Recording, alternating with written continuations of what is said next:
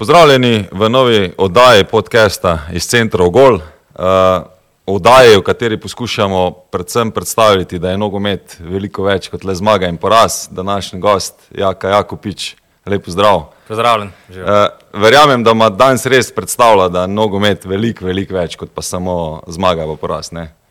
Kljub temu, da ti si veliko zmagoval. Ja, definitivno vsak je rad zmagoval, še posebej jaz, uh, tako in drugače. Tako in drugače. Jaz bi še samo tu povedal, pač ponovno snemamo na Verovškovi, Porsche, Verovškova, tisti, ki vas zanima, Seat, Kupra, Salon, Verovška ulica 78 Ljubljani, tako da pridite si pogledati zanimivi avti, bomo potem med dodajo probali tudi mogoče kaj ga predstaviti, da vidimo, kako to zgleda. Uh, jaz, ko sem razmišljal, kako bi tebe predstavljal, na, na, na samem začetku sem tako razmišljal, ok, pač normalno si bil igralec, ne. Um, potem pa danes si agent, ne. Ampak vmes ali pa vmes nekje pa za mene mogoče postal malo tako super junaka, ne. To, kar ti danes tudi nosiš na, na prsih, ne. Se pravi, brke, on ko mena, jaz danes jih imam, ti praviš, da si jih že tako dolg, dolg nosil, da jih ne rabiš mogoče ali pa da jih imaš lah na, na majici, ne. Um, a si se kdaj počutil kot super enak? Uh, ne, nikoli se nisem počutil kot super enak. Uh, bolj sem se počutil uh, svoboden, da sem lahko izrazil svoje mnenje uh, in je bilo to sprejeto.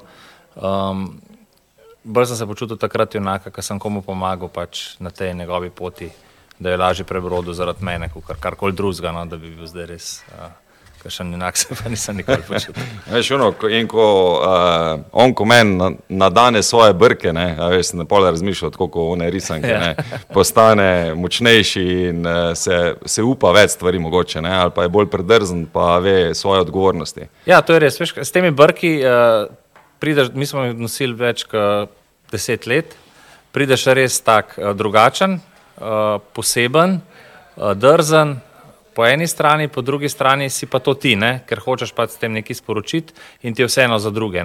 Ko prevečkrat gledamo na mnenje drugih in ti pol to to eh, že dajem tvoj jaz, ki mogoče pa to ni. In s temi brki sem jaz takrat užival, no, ko sem vedel narediti po tisti modi iz Bundeslige, ki smo to nosili uh, in vsakmu, ki si je rekel, komu pa tistimi brki, pa sem rekel, osveščamo raku, ne, ja. pa si ja, ja, pa po redu, pa so pa še naprej imeli pol drugi. Ja. Dobro, so tudi kakšni nogometaši, ki bi jih radi nosili, pa rabijo, ne, štir leta prej začeti jih puščati, ampak ja. ja jaz, jaz vidim presep, ne, eh, jaz pač učim na šoli tudi, ne, in vsako leto novembra se sem v nekje v brkih, ne, ponovadi pač ne, ne brijem se tako zelo redno, da bi rekel zdaj vsak dan, ne, da bi lepo rasli, ampak potem ne vem, po enkrat na teden, ko ubriješ ne, in priješ prvič z brki na šoli v novembru, je vedno dosta smeha ne, in tako malo učenci sprašujejo, malo tudi učiteljice in učitelji, kdaj pa kdaj, ne, ja. jih je treba malo uh, spodbuditi. No, ampak pravilo brkov je, je, je to pač novembra, ne, novembr pomeni mustaš in novembr. Uh, to so trije fantje ustanovili združenje, kako bi drugače osveščali o raku in so ob pivu v Avstraliji rekli, da ima pa si pustiti brke. In pač pravilo je tako, da se pobriješ čist na, na nulo cel, in potem si s 1. Eh, novembrom začneš puščati brke in pač kukar ti raste in se samo okoli obriješ. In 1. december se pol obrije. 1. december se spet dol obriješ. Ja. če želiš, če ti je všeč, pa pustiš. Ja, ja, če ženi všeč. Ja. če ženi všeč, vsem. Kar pa veva, da verjetno liči. Čuj, ti si se mogel vsak december pol obriti. Ja, ja. Okay. Um, rekla smo, da bomo začela vse uh, ne mogoče s tem onkomenom, pa z, z um, to, kar ti predstavljaš, se pravi zaveščanje ljudi, predvsem verjetno, kako ne sprejemajo raka, se pregledujejo um, in ugotavljajo, da to ni smrt, ne, verjetno, mm. da takoj poudarma. Ampak da bi me vseeno mogoče pač prišla v ta del potem, ko se ti srečaš z, z boleznijo, kje si ti odraščal, kak si odraščal, ker tebi je bil po vseh intervjujih normalno, ki si jih zdaj v, v teh 20 letih po bolezni dal, si um, poudarjal, da ti je nogomet bil uh, primaren cilj življenja, v katerem bi rad živel ali pa nek, neki dosegel njem. Ne. Izhajaš pa iz nogometne družine. Ne? Ja, izhajam definitivno iz nogometne družine. Um, živel sem klele čez, katerega zelo nasploh še ni bilo, klele bilo polje. Uh, prav beži grajčan, rojen, uh, vedno sanjal, da bom igral za Olimpijo. Uh, sanje so se mi uresničile, uh, tako da sem zelo, zelo zgodil, v bistvu, no, pri mladincih izpolnil ta cilj. um, postal državni prvak z mladinci, pokalni prvak z mladinci, tako da sem te, te sanje nekako resničil, vedno sanjal tudi, da bom prišel v olimpijno moštvo, pa pač žal mi to ni nikoli uspelo. Uh, to govori za, za člane. Ne? Za člane, ja. tako, um, drugače pa ja, um, živel z nogometom, imeli smo blizu Ježico, zdajšnji Interblok, vmes je bil Faktor, uh, to je bil moj klub v bistvu od 6. do uh, 18. oziroma 17. leta, ko sem se pridružil Olimpiji pri mladincih. Uh, oče je um, bil nogometni funkcionar, prej nogometaš, valjda moj vzor. Um, vzor tudi življenjski, pač nikoli ni pil, nikoli ni kadil, uh, bil res discipliniran in sem to prnemo potegnil ven. Uh, se tudi v svoji družbi dokazoval brez alkohola, da lahko znam reči pijači ne, ne bil ob dveh zjutraj marsikomu prijatelj, da sem jih domov pel, trezen. Šofer. Uh, ja, ampak uh, ja, sem pa pač to sam. No, doskrat se spomnim, da je oče kaj pol še igral v Avstriji, doskrat me sabo vzel, kaj je bil utrujen. Uh, da sem kaj krmlov, vedno sem imel žogo s sabo, zdaj te prijatelji iz Avstrije mi pravijo, ko golo sem jim polomil tam po tistih uh, vedno rodbrcev. Uh, bil sem pač uh, res. Uh, vprašanje je tudi, ne, glede na to, en prejšnjih naših gostov je bil pa Jožef Križaj, katerem smo, s katerim smo govorili predvsem iz tega, kako otroci ali pa kasnejši reprezentanti, ne, iz katerega kulturnega okolja izhajajo. In da pač večina je bilo zelo močen vpliv, je bil pač oče, to, kar si tudi zdaj poudaril, da so kasneje potem ti otroci pač e, nadaljevali to neko nogometno pot. Ne. Uh, ti si spomniš očeta, ko je igral nogomet? Uh, ja, mislim, očeta valjda se spomnim, ko je igral nogomet, ne takrat več profesionalno, ja. uh, ampak pač je igral tisto, rečemo v Avstriji, ko so igrali tiste. Oni so bili ti uh, prvi legionari, ki so igrali v Avstriji, ko so hodili Aha. v vikendih na tekme, dvakrat na teden na trening, kot je zdaj že pač folklora. Uh, uh, pri nas, um, teh fantov, ki zdaj že zelo mladi hodijo, ne te so takrat starejši hodili, da so pač Avstrice gor potegnili, ne zdaj je ravno obratno, ne zdaj že noben Avstric noče več sem priti, da so oni učili Avstrice nogomet. Um, ne se pa mogoče pa pri meni ni bilo tako, po moje oče, ne vem, meni ni nikoli silo, nikoli se ni želel, jaz sem skozi silo zraven, tudi zadnjič smo se pogovarjali, uh, skupaj igramo rekreacijo z Andrejem Jerakom, ki je bil uh, tudi uh, nogometaš Slovana in je rekel, da se me spomne, koliko sem bil mehen, pa sem takrat kar člani treneru uh, Slovana, ki je bil oče trener na Slovanu uh, in so si, so si mislili, kako oče maltretira tega tam malega boga, revež. Pa sem jaz težil, da bi šel. Jaz se spomnim, kako sem jaz sam sebe skozi preganjal treneru, um, da, bi, da bi uspel v nogometu, si želel biti skozi zraven. Uh, in je po moje, dosti podobna zgodba, ki je z eno od mojih čara, ki, mi, ki je šele pred devetih uh, letih prišla z letakom, čeprav mi je že od šestega leta težila, da bi nogomet trenirala. Uh, jaz sem pa bil vesel, da imam tri ščirke, da ne bo nobena nogometašica ni prišla z letakom, da pa obstaja nogomet za punce, kar sem govoril, da ne. ne. In, uh, Zakaj pa ni želel, da igra nogomet? Zato, ker sem bil vesel, da bomo tudi kakšne druge športe spoznal, pač okay. skozi ščere, oziroma kakšne druge stvari zdaj spoznavamo, tako atletko kot balet.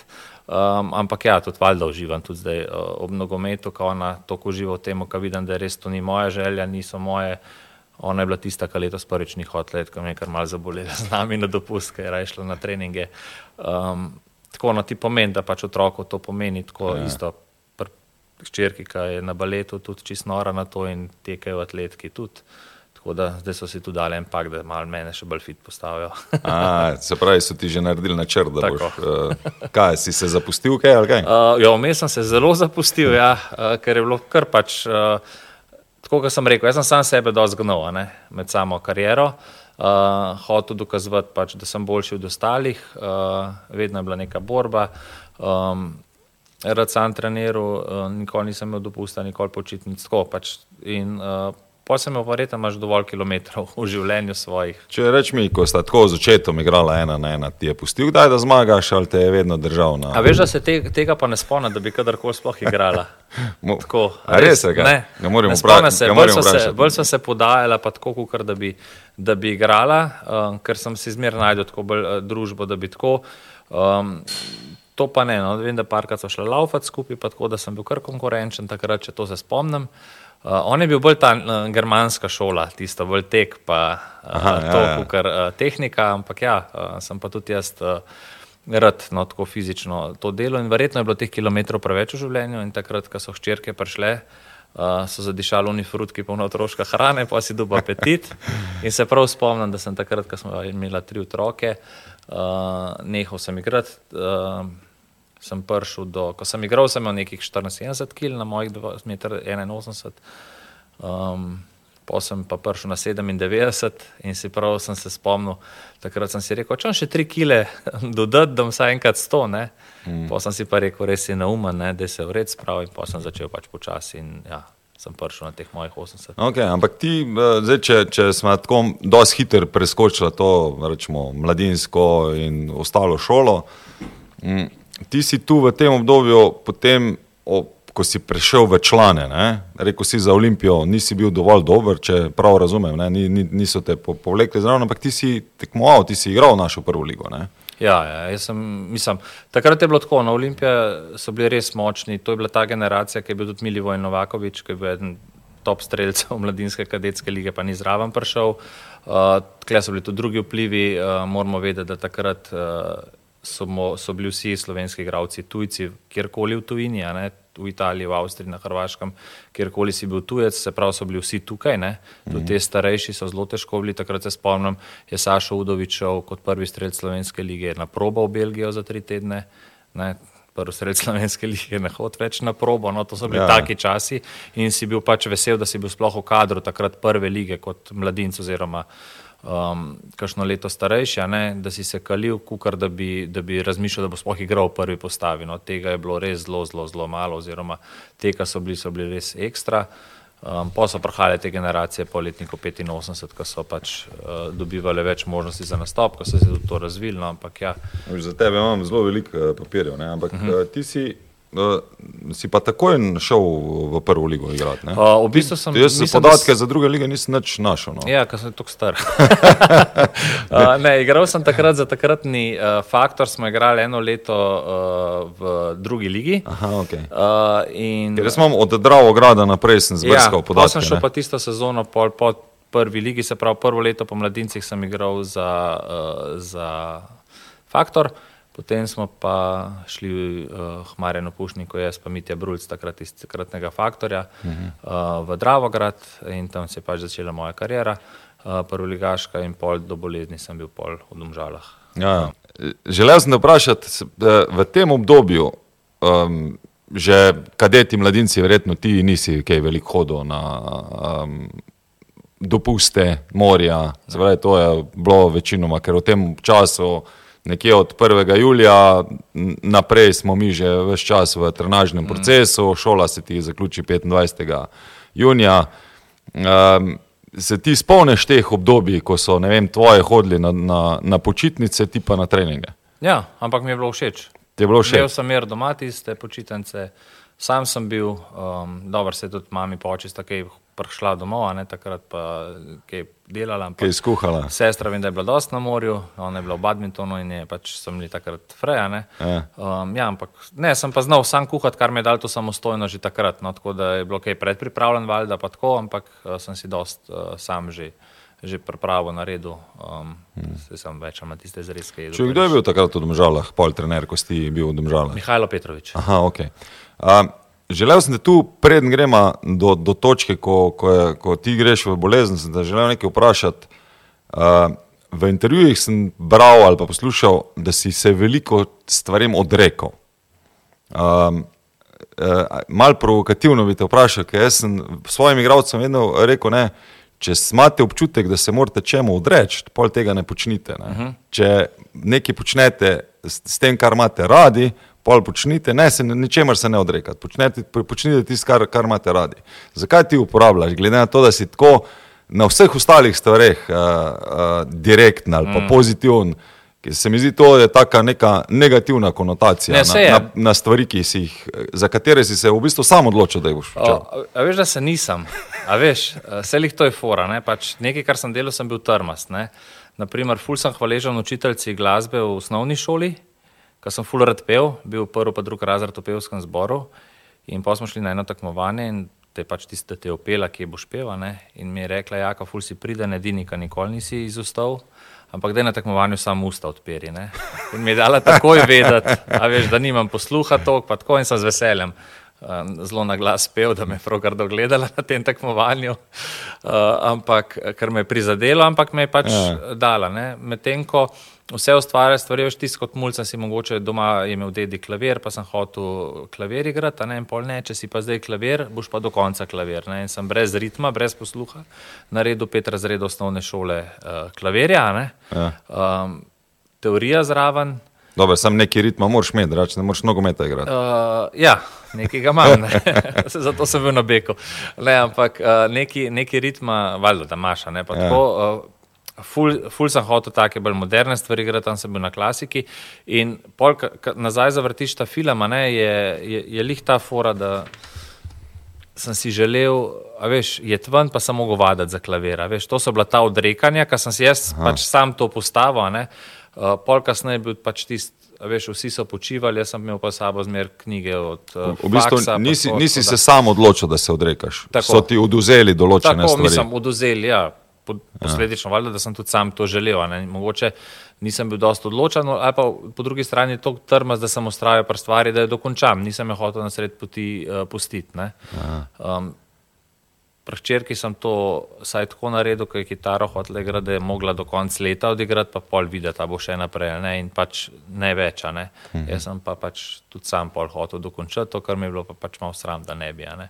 No, pa, pa hvala Bogu je prišla bolezen tako zgodaj, um, v mojem življenju, da sem dojel, da pač baterija ima 100%, ne, in če imaš ti 50% uh, za neko drugo stvar, ne, ti samo še 50% ostane. Ne, in to sem dojel pri futbalu, se odločil za futbal in sem bil definitivno čist drugačen igralec in čist drugačen način uh, dela, priprave in tega. In sem res po bolezni, ko sem se vračal, se v tem bo še verjetno ja. uh, bil čist drug. Ampak, uh, ko praviš, uh, 100%, 50%, pa si se ti skozi to svojo trmo, kaj, kaj, če te zdaj prav razumem, ne, uh, si se ti tudi sam odločil, da boš ti študiral hkrati in treniral in dokazal, da se da tudi to na nek način speljati. Se, upam, da ne poslušajo to mlajši. Veš, ampak, uh, vsi poslušajo. Ja, vsi. ampak, veš, Se bolj, da se na naših ni, napakah učijo. Ja, svojih, ni, ni, a veš, klej ni zdaj uh, uvir. Valjda moraš biti malo realista, ne? Kaj si želiš. Jaz vem, da sem bil dober v nogometu. Ja. Vem, da sem ogromno dal. Uh, odrekel sem se v tej smeri, da sem pač zavestno se zavedel, da če bom hodil ven popivati, pa to, da bom zgubil treninge, ker to pač sem od očeta pač vzel, ker sem to doska slišal, da ti pač ena ponočevanja vzame tri treninge, rečemo. Ne? Nekje, ja. uh, in kle sem hotel biti že boljši od ostalih. Mhm. Uh, ampak po drugi strani, pa, ko so ostali počivali, sem se jaz učil. Ne? Um, Klej bila pa ta stara šola, še verjetno pri nas, ne le kaj pa če se ti kaj zgodi, ne, pa ne boš. Ne? Ampak jaz pravim, da nobena poškodba ni tako huda, da ne bi pol nadaljeval. Ne? Uh, nobena, nobena stvar ni tako pozna, da je ne bi mogel zaključiti. In čut šolo lahko pol, če ima željo, zaključiš. Ker, naprimer, te top naši nogometaši znajo vsi tri, štiri jezike, uh, imajo poznanstva in če se hočeš šolo narediti, se bo naredil. Veš, ja, ja. To so te stvari, ki mogoče, mogoče kasneje spoznaš in ki jih pa lahko položim naprej. Um, sam da na vzet kole, ja, kaj je rekel, pa bomo zdaj šli vsi iz šole ven. Ne, s tem, pač ena podlaga. Ampak zanimivo mi je, ne, da to, kar smo isto s križajem govorila, ne, da um, ta spodbuda doma, ne, ali pa da nekdo zaupa vate, uh, pač ulož zdaj v vem, nogomet, ampak boš šolo pač delal kasneje. Ne. Ker rečemo, meni je tudi zanimivo, prej, pred, se pravi, oddaja trenutno, ko mi dva snemamo še ni ne, Mustafa Nukič, se pravi, on je naredil že ekonomsko fakulteto, mm. bolonski pač triletni program, ampak je že tudi rekel v oddaji, ne, ko končam nogometno kariero, bom še nekaj zraven naredil. Mm. In tudi praktično vsi igravci, ti starejši, s katerimi se zdaj srečujem, so pripravljeni so izobraževati naprej. Mm. Ker vidijo tudi, da v, v nogometu so se vse čas mogli doizobraževati. Tudi tehnologija gre v nogometu tok naprej, načini treniranja se spremenjajo, taktične zahteve so res veliko, veliko večje, kot so mm. bile včasih. Tu itak ni uh, kaj veliko. Tako da jaz ne vidim, zakaj se te strah, da bojo starši. Mislim, da bojo klicali pa rekli. Ne, pa če se zdaj bolj nanašam na, na, na te obšolske stvari, ja.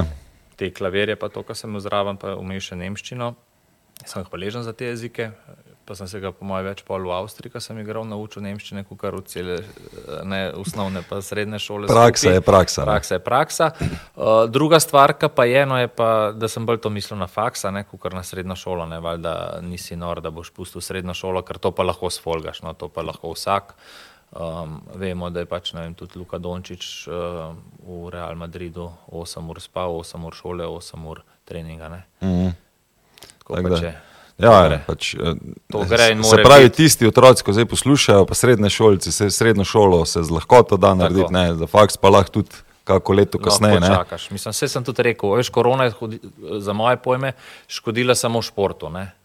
Um, Ja. Vse ostalo, vsak je imel luftu pol na, na pa se kaj spočil, kakšen let na fakulteti, a ne ali tako ali pa drugače, mm. iskal službo pol eno leto, si zmer nekaj izgubil, ne? tako da tle ni bilo neke panike, medtem ko šport pa zelo težko nazaj preneseš te stvari, ki si jih izgubil, ker leta ne čakajo. Ne? Ja. Čuj, koliko si pa ti imel vlogo svoje mame, ker malkrat omenjaš mamo v, v teh intervjujih. Vedno je oče, ker je oče verjetno pač tudi v nogometu. Uh, ampak manjkrat rečemo, je, kaj je bila ona tiste. Zato, ker je bila skozi zraven. Za, za, zavetnik tvoj, ali kaj, ki te je vedno uh, um, sprejela tvoje odločitve, ali je bila tudi kdaj kritika? Ne, ne, ne. Bolj je bil oče tisti, ki je sprejemal moje odločitve, mama je bila zmer tisti, veš, ki je imela zmer pripombe. Mal, malo tako- ročne zavore, ali kaj? Malo ročne zavore, pa tako bolj je bila mama tista, ki je bolj tista sigurnost dala. pa tako. Um, po mojem sem se bolj nje dokazoval kot očetu. V teh stvareh drugih, ne, da, bi, ja. da bi tako, um, ne, je bila pa tista ona, ki je skrbela vse za nas, doskrat je bila sama očeta, ni bilo. Um, z očetom sem se v bistvu resno začela pogovarjati stvari šele po moji bolezni, ker je mm. pač tudi on dojel, da je življenje kratko, pa da je treba, ne.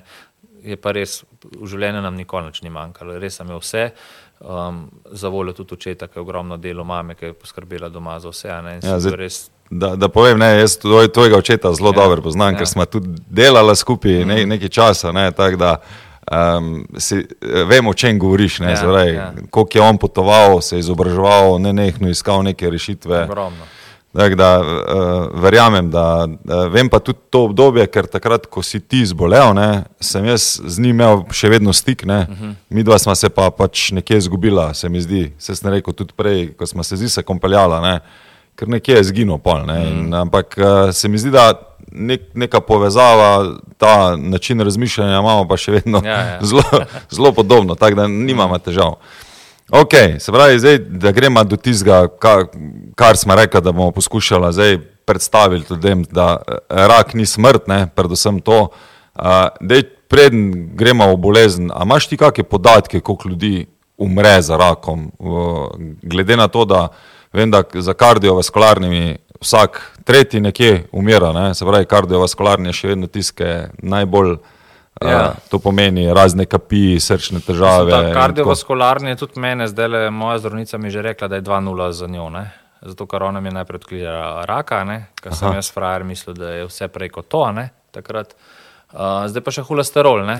A veš, kljub pač je deden, je to, ampak to je tihi Ja. ubijalec. Ja, ja, tega se noben ne zaveda, kle nima veze, ali si ti fit ali nisi fit. Ne? Mm. Um, in to sem že par prijateljem povedal, da po 40 je fino, da si daš to pregledati in so že par tako na tabletih, uh, ker so resne cifre, bre pa z, di- z dieto lahko ti zbiješ ta holesterol za par procentov, a ne 10-15 procentov, ampak da boš pa ti preprečil, da se ti žile ožajo, pa mašijo, pa ne boš niti nobena operacija, ne bo pomagala, samo infarkt te bo ustavil mm. in pol je že prepozno. Ne? Tako da uh, tle je res uh, zelo, zelo. Uh, Največji problem Slovenc, Slovencev je to, da ne izkoriščamo slovenskega zdravja, Ja, zdravstva. ker ga kritiziramo, da ne priješ Uh, prav. ne, ne zaupamo mu uh, ponuditi pa vse, res vse. Imaš pravico do vsaka, kakršnega koli pregleda, kjerkoli, kadarkoli, tudi če so naprimer raki v družini, naprimer, ne, imaš ti genetsko kliniko na onkološkem inštitutu, kjer lahko tudi uh, svoje genetsko tel, uh, drevo pogledaš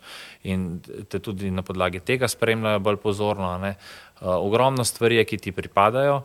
Uh, to so tudi trije presejalni programi, Zora, Svit, pa Dora, uh, ki pripadajo vsem državljanom. a Ne, pa je dosti ljudi, ki reče, da pa ne bom po pošti pošiljal nazaj, ne, recimo Svit. a ne. Um, pa reši marsikatero življenje. Tako da imamo zdravstvo na res visokem nivoju. Um, edino problem je pač kadra, ne, zato ker uh, je podhranjen kader, uh, zdravniki so vedno starejši, novih ne prihaja toliko sem uh, in uh, je problem, so te čakalne vrste zgolj in samo mm. zaradi kadra, ne, ne česar Ja, koli ja. drugega. Um, če gremo pa na umrljivost, a ne pa pač tako, da smo moški, uh, da pridemo poznejših, uh, poznejših fazah, smo odkriti, so odkriti raki pri moških kot pri ženskah, uh, prav tako pa je umrljivost za kar 30 posto večja pri moških kot pri ženskah. Ne vem, letos promoviramo to, da se pregleje rak prostate, naprimer. Uh, po 50 letu vsak četrti moški zboli za rakom prostate. Um, če gre pa še naprej, zakaj pa je še zmeraj se borim za to, a ne kljub temu, da je 20 let od tega, zato ker otroci rojeni po 2008 bo vsak drugi fantek in vsaka tretja punca zbolera uh, za rakom. Oziroma nekje v svo- svojem- v svojem v življenju bo ja. postavljena diagnoza, se pravi, če greva zdaj v statistiko, vsaj ena od mojih čera bo zbolela za rakom. ne. Tule je pa, pa znanstveno, zna, znanstveno res napredujemo z abnormalno hitrostjo, stopno razvoja telefona. ne. Naprimer, kleje, moram povdariti, HPV virus za punce uh, se, bo, se je, oziroma se bo s cepivom izničil, uh, pripada vsem državljankam pred um, prvim spolnim odnosom. Je dobro, da se cepijo. Uh, prav tako v Sloveniji zdaj cepijo tudi fantke, ki so prenašalci. Uh, podatek je zastrašujoč. Ženska se okuži pri prvem spolnem odnosu, 70% možnosti, da se okuži že pri prvem spolnem odnosu s HPV virusom, kar pa ne pomeni, da bo zbolela uh, na raku uh, na materničnem vratu, lahko tudi čez 20 let se ji to zgodi. Zdaj pa smo Se pravi, starši, samo nosiš s sabo. Tako, lahko nosiš s sabo, zdaj pa smo starši res tako sebični, pa tako pametni, da ne zaupamo temu, ker gospod, ki je to izumil, to cepivo, je dokazal to vzajemno povezavo tega virusa in um, cepiva oziroma raka uh, in je dobil tudi Nobelovo nagrado. Um, tako da je res to cepivo rešuje življenja in praktično raka na materničnem vratu ne bo več. Tako da napredujemo, ne vem, zdaj smo imeli izobraževanje raka prostate, en tak zanimiv podatek, ki ga nisem vedel. Uh, Dve operacijski sobi, ena v Ljubljani, ena v Mariboru, že operirajo roboti rak prostate. A, Sploh se ga ne dotakne več kirurg. Ne, zanimivo. naprimer, Ja. da vemo, da Slovenija ni tako v zadnji, kot mi Ja. mislimo. Ampak še enkrat, ja, tiska noče biti v športu, ne se izobražuje, da bo zdravnik.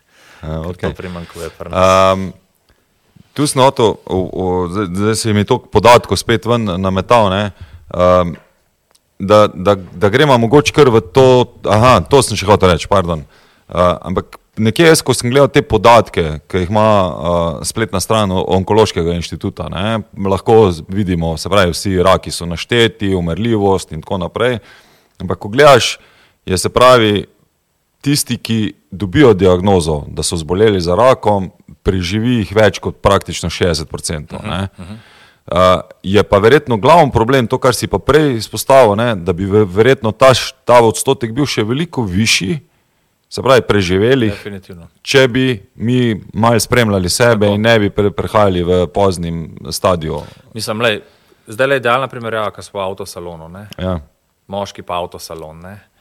Ti ne bo zamudil roka za menjavo gum, pa ne bo zamudil roka za servis. Ga ne boš, ne? Ja. Te ne bojo rabili iz avtosalona spomniti, boš šel sam, ne? da boš vse zrihtel tipi topi, da ti ne bo nobena lučka gorela. Ne? Kolikrat smo šli pa samih zdravnikov se pregledati? Enkrat na leto si šel, nisi, dvakrat nisi, na dve leti, enkrat na dve leti, noben. Samo da si daš kri, samo da si pač v nečem, veš, da se, da se pregledaš, veš, kaj imaš v družini, kaj si imel, zakaj se slabo počutiš, neki medaje, da se greš ne zdaj, da iščeš uh, napake, pa iščeš bolezen, ampak ja. Normalen Ser- pregled, servis, da servis, se predihaš, a veš, tudi te samoplačniški pregledi so ful poceni, a veš, to je smešno, to je, ne vem, eh, 12 evrov je pregled vse, kar vi, na pamet zdaj govorim, no, da me Ja. ja. navdo za besedo, ampak to ni zdaj tako, kot servis, kad gleda, ali pa zavarovanje kasko, kaj je 2 jurja, ne?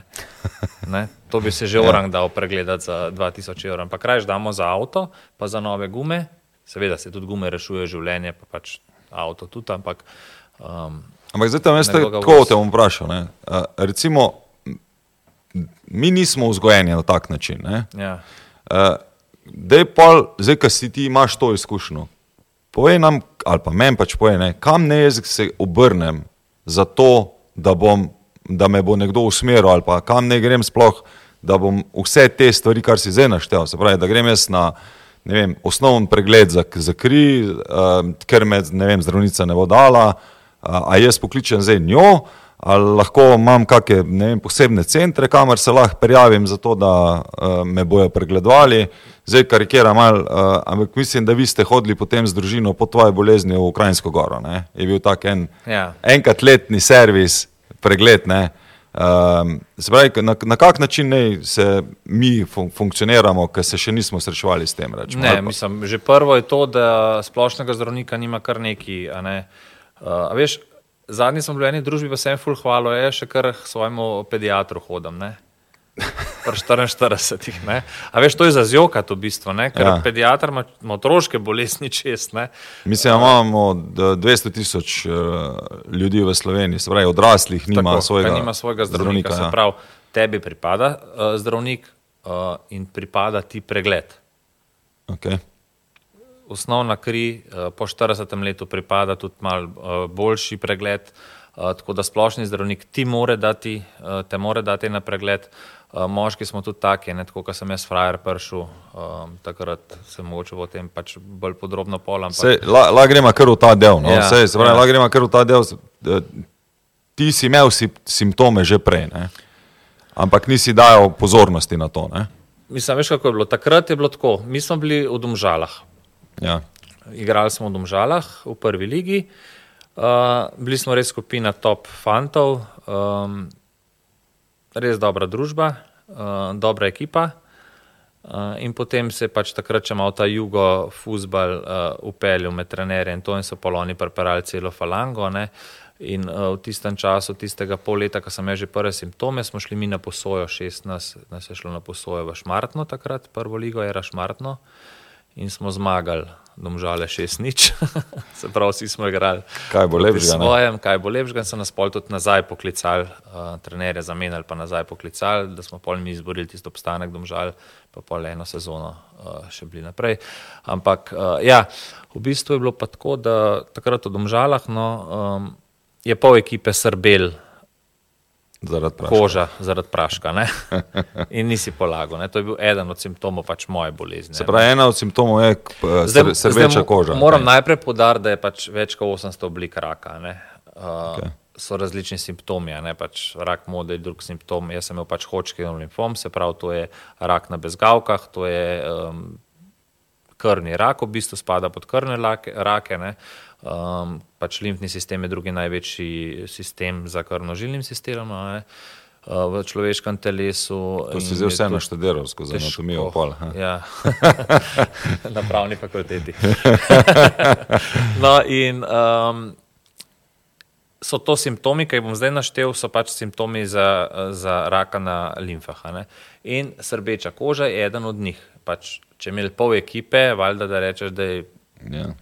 Itak vse so v klubu pravili in Une trde brisače, ne vem, kako so zunaj sušili, pa te stvari, ne, povzročale srbečico pač po ekipe in sem rekel, ok, to ni to. ne. Potem so se mi pojavile tri bulce kle na vratu, take malo manjše in so mi dva soigralca tudi pokazali, jaz sem to od prehlada, sem bil že pri zdravnici, to je bez gavka, to ni panike, ok, smo že pozabili tudi na to. ne. Uh, potem je bil tretji simptom, je bil maslo v ušesu, ko sem pa pač, jaz sem bil zmer ful dobro pripravljen, tako fizično res zmer med najboljšimi, če ne najboljši v vsakem klubu. In uh, mi je bilo ful čuden, ker sem bil ful zadihan, to je bil že četrti pol simptom. Hmm. Ta maslo v ušesih se je pa pojavilo, veš, da sem sam sebe slišal, ko sem tekel. Že na ogrevanju in me šlo na živce. In mi je svoj igralec rekel, ja, to imaš maslo, vse si pet to pogledati, ne, to ti sam ven vzame. Pa in tako sem rekel, ja, se bom šel, pa se mi ni dal in sem 14 dni sam sebe poslušal. Medtem sem imel pa že ful veliko bulo kle na prsih. Zdravniški pregled. Naknadno, ali kaj? Uh, Vmes, ja, med, Ja. Tem, v bistvu, med tem obdobjem se mi je ta bula že kle pojavila na prsih in so mi rekli zdravnik, eh, mislim ta zdravnik v klubu, ne, je rekel, ja, to je verjetno en hematom od enega udarca ali pa enega paca, ki si tako padel, pa se ti je kaj ven udarili in so mi to z raznimi žalbami mazali. Pa zdaj v kakem časovnem obdobju se zdaj To je bilo pol leta. Okej. Pol leta, rečemo, začel sem pa bolj vse spremljati, tudi treh, tri mesece, zdaj rečemo, da je bilo tako. No. Ja. Um, v roku treh mesecev, se pravi od enega začetek priprav, pa do aprila. No? Tako, tistega januarja no, do aprila je bilo tako. Hmm. In jaz sem v bistvu prišel začetek aprila um, svoji zdravnici, mladi, lušni zdravnici in vendar maslo že všesa, da sam sebe slišim. In me pogleda, rekla, klej ni maslo za všesa. Je vse v redu, ne živča ta nač ne vid, ne si mislim, oj, kaj je to. Ne? In v glavi mi pa doni od uh, moje takratne punce, zdajšnje žene, mance, če nam pokazal te bule, pa teh bul, da me, da me bo postila, da ne, ne bom frajer. Če koliko časa ti je pa ona težila doma? Ja, da sem grd rekel, vem, da bo poslušala tako, da se ja. upravičuje. Ne, me je, se sem jih hvaleža, se če ne bi bilo, ne, ne bi bilo mene več. Sploh ne, ne bi, ja, ja pokazal. Ne bi pogovarjala. No, v glavnem in um, še eden od simptomov, zakaj me je ona težila, ker sem se pa ful potil po noči, ampak to sem dal pa takrat je bila zima, sem si rekel, le to, ona kur tok, ni panike. Uh, to so bili pa vsi simptomi, ki jih pa že skupaj daš, um, hočke noga limfoma. V glavnem jaz pridem do zdravnice, pokažem biskavka, rekla, to je vse povezano, onkološki inštitut, takoj, pod nujno. Jaz si rečem, pismo, onkološki inštitut, ko sploh je to, povem mami, tako se ji zavrti, ne, da mora imeti na pregled. Jaz pa čist flegma, veš, sem rekel, ja, se bom šel in sem šel z napotenco, pač po tekmi. Ti, ti še nič ni začelo dogajati? Ne, ne, ne, nič. In uh, so me pogledali, so rekli, takoj na punkcijo, grem na punkcijo za to bulo, pa za te bule je rekla, da ja, je verjeten, uh, gre za udarc, ampak ko so mi to bulo ven dajali, niso prišli mojih six-packov gledati, ne, jih je šest uh, študent medicine prišlo to bulo gledati, pa funkcijo delati. Pod mikroskopom pogledaj, rekla je, ja, verjeten gre za udarc, tole pa malo čuda, ne klele. Najprej sta bili obe pač pozitivni uh, in so me klicali, da moram takoj priti uh, v sredo nazaj na onkološki inštitut. Mm. In sem rekel, lahko v četrtek imamo sredo tekmo. smo imeli pa pokalno tekmo, ker jaz sem se dobro počutil drugače. Ja, ni bilo zdaj to. Da, ampak, ampak ti še kar ni preklopil. Jaz sem bil čist miren. Ne? In uh, jaz sem hotel igrati futbol, veš, meni je bil ja, futbol res vse. Ja, ja. Jaz nisem hotel, le se bomo že zrihtali te bulce, lej, dubo ene tablete, pa bo. Ne? Nisem sploh razmišljal o raku, kje je rak, nisem nikoli pil, nikoli kadit po ekipe, eh, bi mogel prej. Ja, ja. Na no, glavnem in uh, nač potem takrat smo se z domžalem še v bistvu borili za obstanek, no smo bili tam tam, je bilo tako full, um, to je bilo lih, sem gledal, imel Dado svojo dajo, ne? to je bilo lih takrat, pol, naslednjo sezono je pol Dado prišel mm. uh, iz Olimpije v domžale. Uh, ja, in takrat smo, um, sem prišel pol do zdravnici z mamo, je hotel zraven valjda in so rekli, ja, da je sum na hočki nov limfom. In jaz so dobro, sem da ni rak, ne. in pa so rekli, kaj pa je to, mami vpraša, kaj pa je to. Ja. Je rekla, v bistvu to je rak na bezgavkah. In pol se je že začel tiskati, sem se mogel bolj z mamo ukvarjati, ker sem sabo. Veš, in takrat, ko je rekla, razpadla, ja, in takrat, ko je rekla rak na bezgavkah, veš, je bilo tako le konc fusbola za me. Veš, tiskati si rečeš, nikoli ne bom brez fusbola. To je bilo vse, veš, futbol je bil res tako, ko smo šli tudi na tisti dopust, decembrski z punco. Jaz sem zjutraj vstal pred zajtrkom, šel laufa, čeprav mi ne bilo treba, da bi mogel počivati. Zdaj vem, da je umetnost telo spočitnega. Na, na terata, ne, a veš, jaz sem bil pa skos. Ja. Že trikrat zdrav za nasprotno moštvo sem bil zmaten, ne, a veš. Uh, tako da nikoli nisem videl, veš, sebe brez nogometa, tako ali pa drugačne.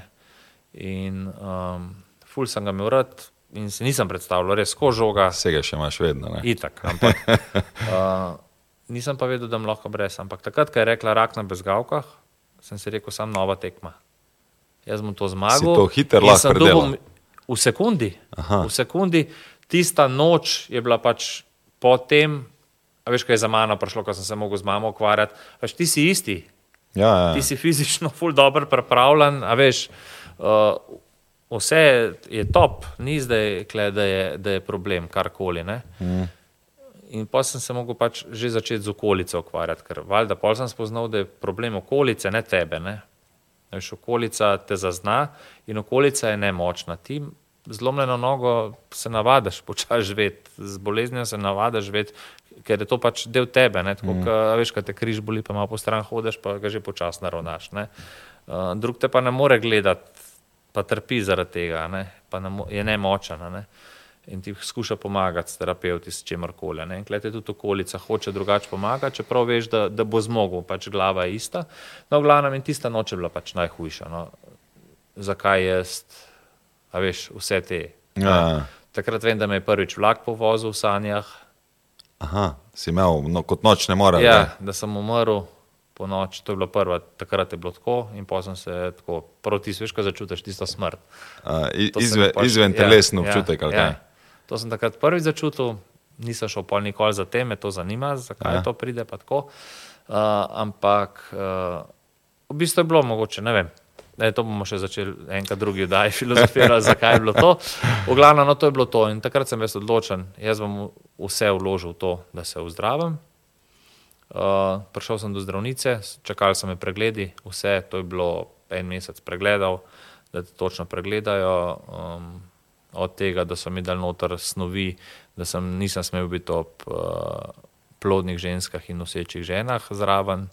Aha, Uh, takrat med preiskavami, ja, ja. da sem se dosti z babico družil. Pol, uh, do tega, da, da si mogel pač ležati en dan, da so te vse pregledali, uh, biti noter, biopsijo delali, uh, vse te stvari. Mm, In so pol na podlagi tega naredili terapijo. In takrat sem jaz zdravnici rekel, vi mi lahko režete roko, kar hočete. Um, ker vem, da se spomnim takrat, ko sem šel na Rendga, no takrat me je drugič zadel, ker je rekla, ja se verjetno imate sam tole, verjetno je vse čisto. In pol, ko sem prišli rezultati od Rendgana, ki je bil kasnek, je bilo pa 13 metastaži, plu, med pljuči pa med rebri, v bistvu ta največja je bila ogromen tumor, tako je vam prišel. In jaz sem si to predstavljal, da mi bo en odprl, odrezal, ven pobral, zašil, pa, Pa je to grem, to. Ja. ne. Uh, ne, ne, zdravnica je rekla, da to pač ne gre, da uh, prvo je kemoterapija, potem so obsevanja, da kemoterapija to stopi, če prime, in potem uh, obsevanja dokončajo. Tep nobenih bezgavk niso potem ven Ja, Samo pobirali. te na vratu, ker so bile pregloboko. Aha, so bile pobrali. pregloboko. Zdaj, zdaj, a, a ti veš, kako limfni sistem deluje? Ja. Nam lahko tako na hiter, za tiste, ko Um, ne Limfni sistem v bistvu uravnava vse te um, dražljaje, ki so piki, občutljivost kože, uh, veš, da ti ne zateka tok. Uh, mm. V bistvu je to tekočina, ki ti. Ki eh, potuje samo od periferije Tako, proti srcu. tako, ne, to je pač tako. to. Se pravi, ta, kar se čisti, se pravi, ta um, levkociti, rečemo, Tako. ne, pa to gre potem gre čez proti srcu. tako uh, prek nas- bezgavk tako. Tako naprej. No, da, zato, da bo, Ja, da bojo ja, vedeli, jaz sem tudi imel na faksu to. Ja. Ne, tako da, se pravi, uh, krvnožilni sistem je krožen, limfni je pa samo od periferije Enosmeren, tako. proti, proti srcu in potem, ko gre um, hrana, voda in vse ostalo, kar žile pr, prpelejo v roke, pa v nogo, noge, limfa. En del nazaj odpele, ne, kar prečisti, Čisti pa predela. Pa tako, tako Ono ne. je to en čistilni sistem. No. Aha. Uh, Uh, to pa zdaj pomeni, se pravi, kdaj si ti pol uh, na vratu operiral? To so me takrat, ko so biopsijo delali, so ven vzeli. Aha, so takoj na začetku. Tako, Vse na ostalo je pa, začetku. je pa bilo Je treba bila potem imeti. Kemoterapija, 15 kemoterapij, pa 32 obsevanj. To je trajalo tam nekih 8 mesecev. Okay. Zdaj, uh, preden grem na, na, na te kemoterapije, bi te vprašal, um, a si se ti, rečemo, šel podal v to, da si um, proučeval, na kak način zadeva bo potekala, ali si rekel, ne bom bral, ker me bo samo obremenil, kar bo zdravnik rekel, to bom naredil in se bom pač temu pač uh, predal. Se pravi, grem to, kar si sam rekel, tekmo igrati. ne. Ja, to me je dal šport, veš. Zaupaš trenerju ne? in sem zaupal trenerju, uh, zdravniku. Aha. Uh, pa če mi je trener rekel, to boš delal, sem to delal. Uh Mhm. -huh. Naprimer, zanimivost, moj prvi debi, zato ker sem bil tako dobro pripravljen kot mulj v prvi ligi, ne, Ja. smo igrali proti prvaku uh, Gorici. Da sem začel prvi postaviti, takrat sem mogel uh, Vilja Bečaja pokrivati celo tekmo. Trikrat se je žoge dotaknil, najslabši ocenjen igralec sem bil na terenu, ker sem se tudi jaz dvakrat žoge dotaknil.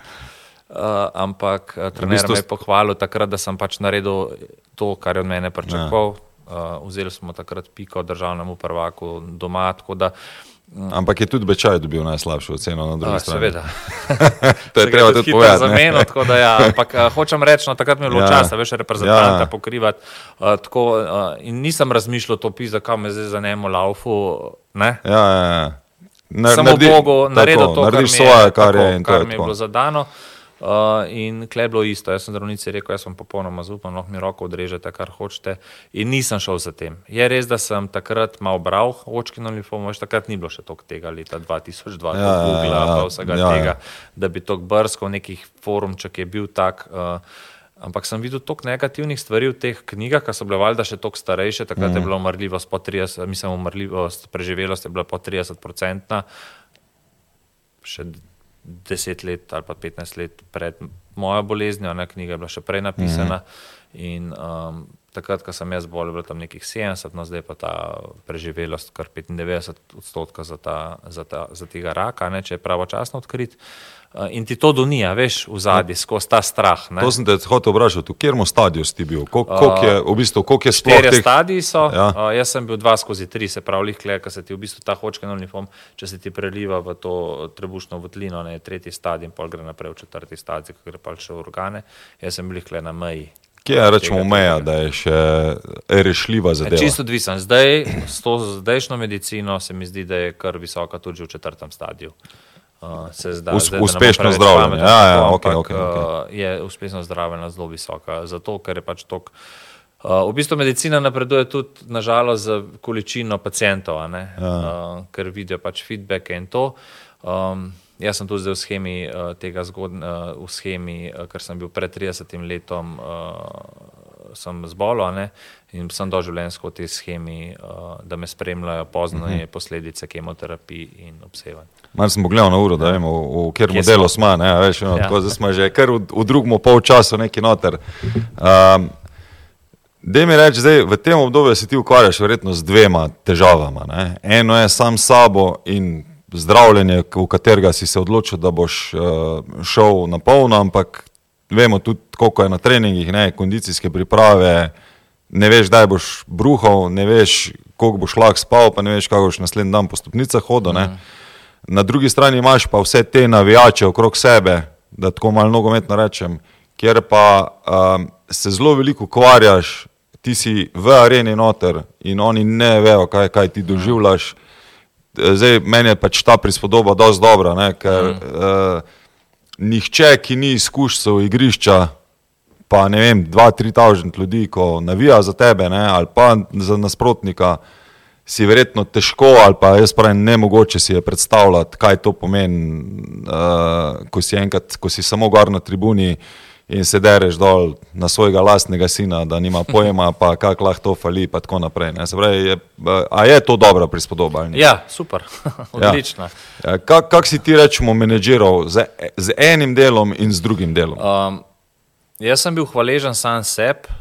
Uh, da sem imel pravo pot. Veš, ful sem se srečal na začetku s tem, le pismom, jaz pa kadim, pa pijem, pa nisem zbolel, on je bil pa ful priden.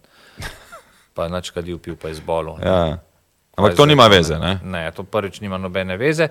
Drugič je bila pa to velika moja prednost, zato ker meni se je telo v primerjavi z drugimi bolniki ful hitrejše regeneriralo, ful hitrejše se obnavljalo, ful lažje sem prenašal kemoterapijo, lahko je bila bolj agresivna. Uh, Dal sem bil, manj časa sem bil uh, v bolnici, kot kar drugi. Ja, veš, take stvari, ki je bila res ena taka investicija v mene, za katero sem bil hvaležen. Uh, tudi te, vsi testi ostali so bili ful dobri, moje pripravljenosti vsega tega.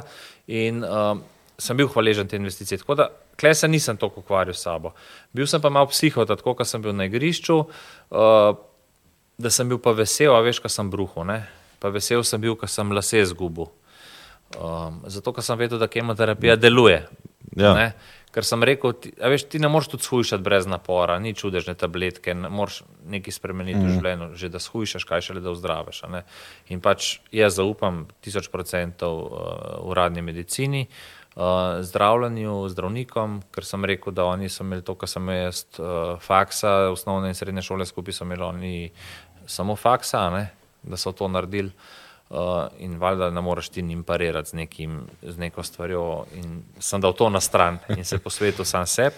Vprašaj, imel, te se jaz vedno smim, ne. jaz sem v nogometu, moja žena je v politologiji. Ne pač doktorica znanosti. Ne? In mi dva, kamorkoli pridemo, ne? vsi vse vejo o nogometu, pa v, pa v ja, politiki. Ja. Oprosti, ja, ja, moral sem na internet samo malo trdati. Uh, zato praviš, je zelo dobro, da pustiš tiste, ki so se izobraževali, pa ko delajo, da, da delajo tisto, kar morajo. Ja, to ti da spet nogomet, to mi da spet šport. Veš, neko zaupanje v nekoga, da delaš prav. Ne. Zdaj se ti si lahko vsak trening pameten, zakaj to delam, sem kle ne bo napredka. Ne. Ti moraš pač maksimum izkoristiti iz tizga, ne, pa narediti tako. In jaz sem pač poslušal, kaj moram delati za regeneracijo, kaj moram narediti, kaj moram jesti. Veš, to je mene vse zanimalo in jaz tudi tako zdaj vsakmu bolniku rečem, da more priti s papirjem in z vprašanji, ki se ti porajajo vmes. In jaz sem imel to vse napisano in sem bil pač s temi vprašanji tam, zato ker vmes pozabiš, ne, mm. kar ti pride na misel. Veš, in zdravnik ti pa zna odgovoriti, sam tega moraš pa znati tudi vprašati. Ne, ne bo ti pa kar samo od sebe govoril stvari, če ne ve. Ne. Mm. In uh, klej je zelo pomembno, da sem si to zapisoval. Ja, kar pojem. Ja, da sem si to zapisal ja. in pač dobil odgovore, kaj je dobro, kaj ni dobro, tudi potem, valjda pride ful te alternativne medicine okoli tebe. Ne? In pol vprašaš. Ne? Si razmišljal, kaj je o tej stvari? Valjda se je.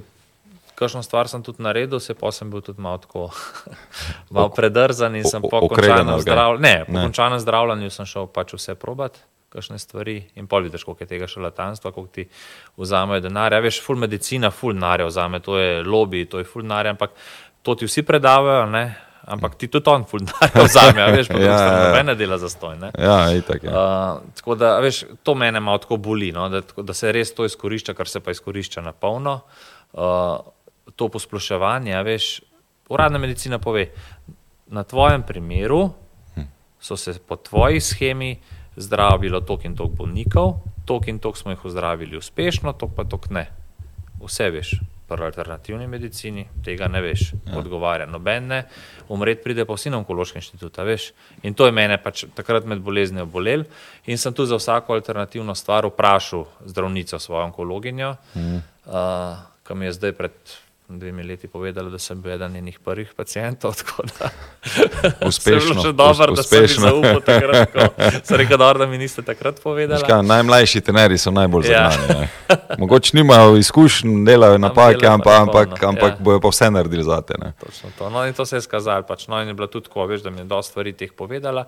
Mi je povedala alternativna medicina, ja, sam ne, ne, ne vzamejo preveč denarja karkoli s hrane mi povejte, zato ker se lahko zgodi, da te citostatike, ki jih prejemam s kemoterapijo, lahko kakšna živila zbijajo ne, in uh mhm. -huh. pol izničeš pač učinke kemoterapije. No, tako da klej sem bil zelo pozoren uh, za regeneracijo, ker bi se me pač tudi kakšne alternativne stvari, ne za obnovo um, in počutje. Če pa je tu mentalna priprava zelo pomembna. Ja, itak, ful. Si ti kaj delal v tem obdobju, uh -huh. ali pa tek tam vprašal, si ti predtem kot uh, igralec delal kakšne te meditacije ali psihološke uh, zadeve, ali si potem z, z boleznijo začel?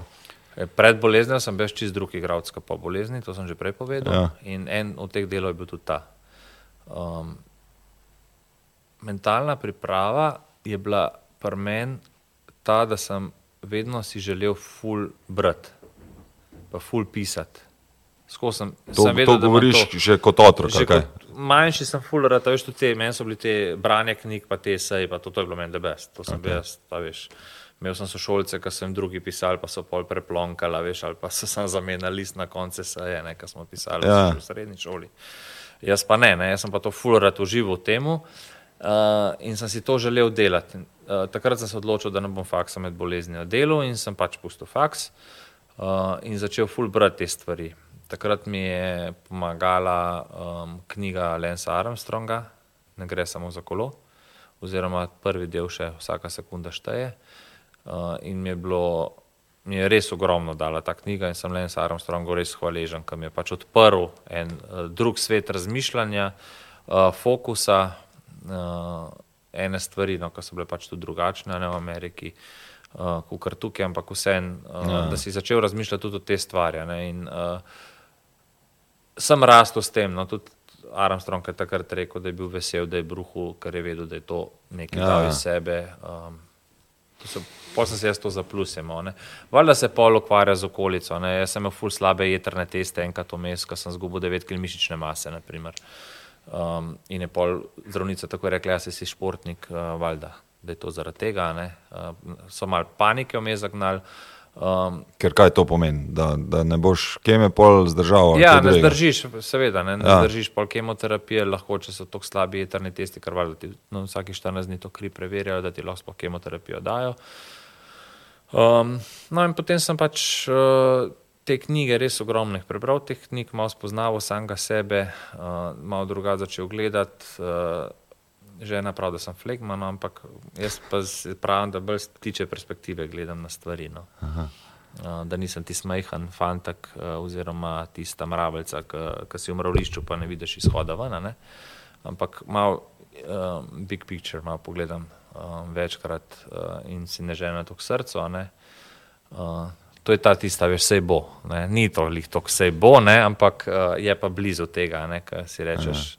Ne, ni to go with the flow, tudi ne, ne ampak uh, veš pa, kaj te čaka, da pač do nečesa stvari spriješ in si pač mogoče bolj strpa, ne delaš drame iz tega. Pač. Ja, to je en kitajski pregovor, ne vem, če ga bom prav povedal, je, je ravno v, v tej smeri. Pravi, ko imaš problem, lahko, če ne moreš karkoli narediti glede njega, a se splača, da se razburjaš, se kjeraš, se pravi, se ne. Če pa lahko karkoli spremeniš, boš pa kaj naredil. Boš pa spremenil. spremenil se pravi, je, v no, vsakem. Veš, jaz sem tudi med boleznijo, sem kar sem naredil. Tako kot so prej rekli, ni bilo morja, ni bilo počitnic, jaz sem bil full vesel, da sem šel lahko. Končno na morje. Na morje, hodil na morje, bil s prijatelji zunaj.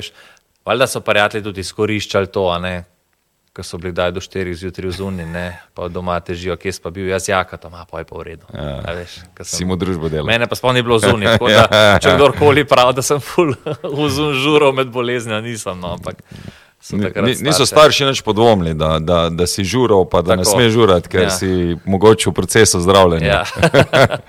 no, tako da, veš, te stvari so bile take, no, da sem pač full pozitivnih stvari iz tega zvlekel. Se pravi, vedno ja. sem si želel full brati, sem ogromno knjig prebral, ogromno sem počival, ležal, ni mi bilo treba več tudi na dopustu, kar sem bil, ni bilo treba teči zjutraj še enkrat, takrat sem sam sebe. Ampak si pol ta filter, rečemo, da, nisi, da nisi tekel, da nisi treniral ob teh prijateljih, sam zase si našel potem v pisanju. Ne? Tako, takrat to je bilo pa počena taka moja. Samo terapija. Ja, v bistvu. Zdaj si pa začel za, o, o, za ven, za ljudi to objavljati. Ja, jaz sem to zdravnici, kar par teh. A uh, si jih kar prenesel? Sem jih prenesel, da sem to razmišljal, če bo kdo rabo, da komu dam. Pa je pa ona takrat uh, poklicala takratno predsednico uh, Združenja onkoloških bolnikov, Društva onkoloških bolnikov Slovenije. In rekla da smo enega fanta, ki skozi piše. In ga je kar meni.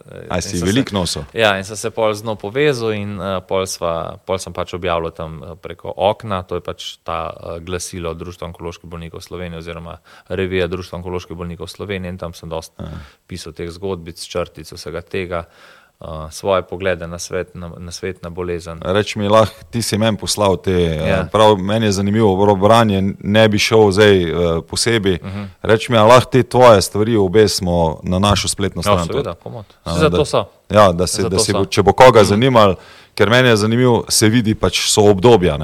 Ja. Uh, v teh, tem, kar si meni uh mhm. -huh. poslal, obdobje. Se, ko, ko si na začetku bolezni, in potem tudi obdobje uh, ko, po bolezni. Uh, Po, za to pol bolezen bi še vsem preobrašal. Uh, dej, kako si se ti boril s to kemoterapijo, bom tako rekel. Ne? Ker kema uh, vsem, ob tem, da normalno na, pač zdravi rak ali pa uničuje celice, rakave celice, uničuje tudi marsikaj drugega, ne? ki se pač kasneje, kot vidimo na tvojem primeru, lepo obnovi zadeva. Uh, ampak uh, kaj, kaj vse ti doživljaš takrat, kaj vse se dogaja tako v, v, s telesom? Mislim, veš, ti skabereš, pa kemoterapija, fa, kaj to ne.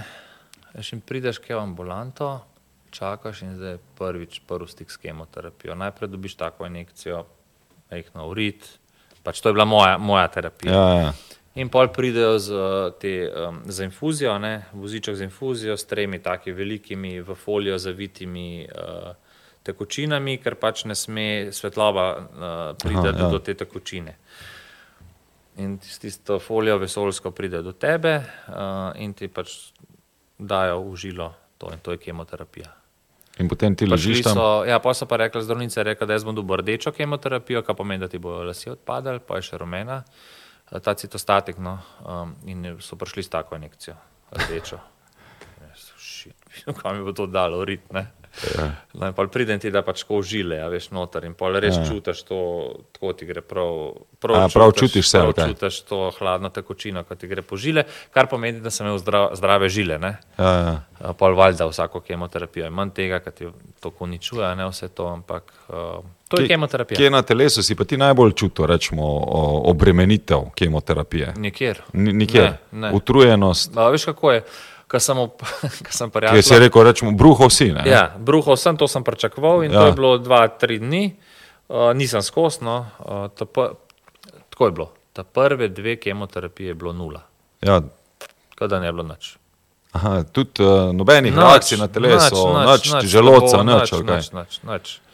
Uh, edino, kar je bilo, mogel sem full žajbla grgrati, zato da ti ne. Um, ne suši uh, uh, grla, sluznice, sluznice in ja. grla, in uh, ker lahko ostaneš brez glasu, uh, ker je tako agresivno. Uh, to sem mogel opaziti. Uh, Ostalo pa čist, čist noč, res. Ja, si pa prišel tretjo, pa si rekel, kaj bomo začeli zdraviti. Se je spremenil, ja. Pol sem prišel na tretjo, sem rekel, da še noč ni, rekla, ja, si v redu, to ste pripravljeni, pa tako, ampak bo.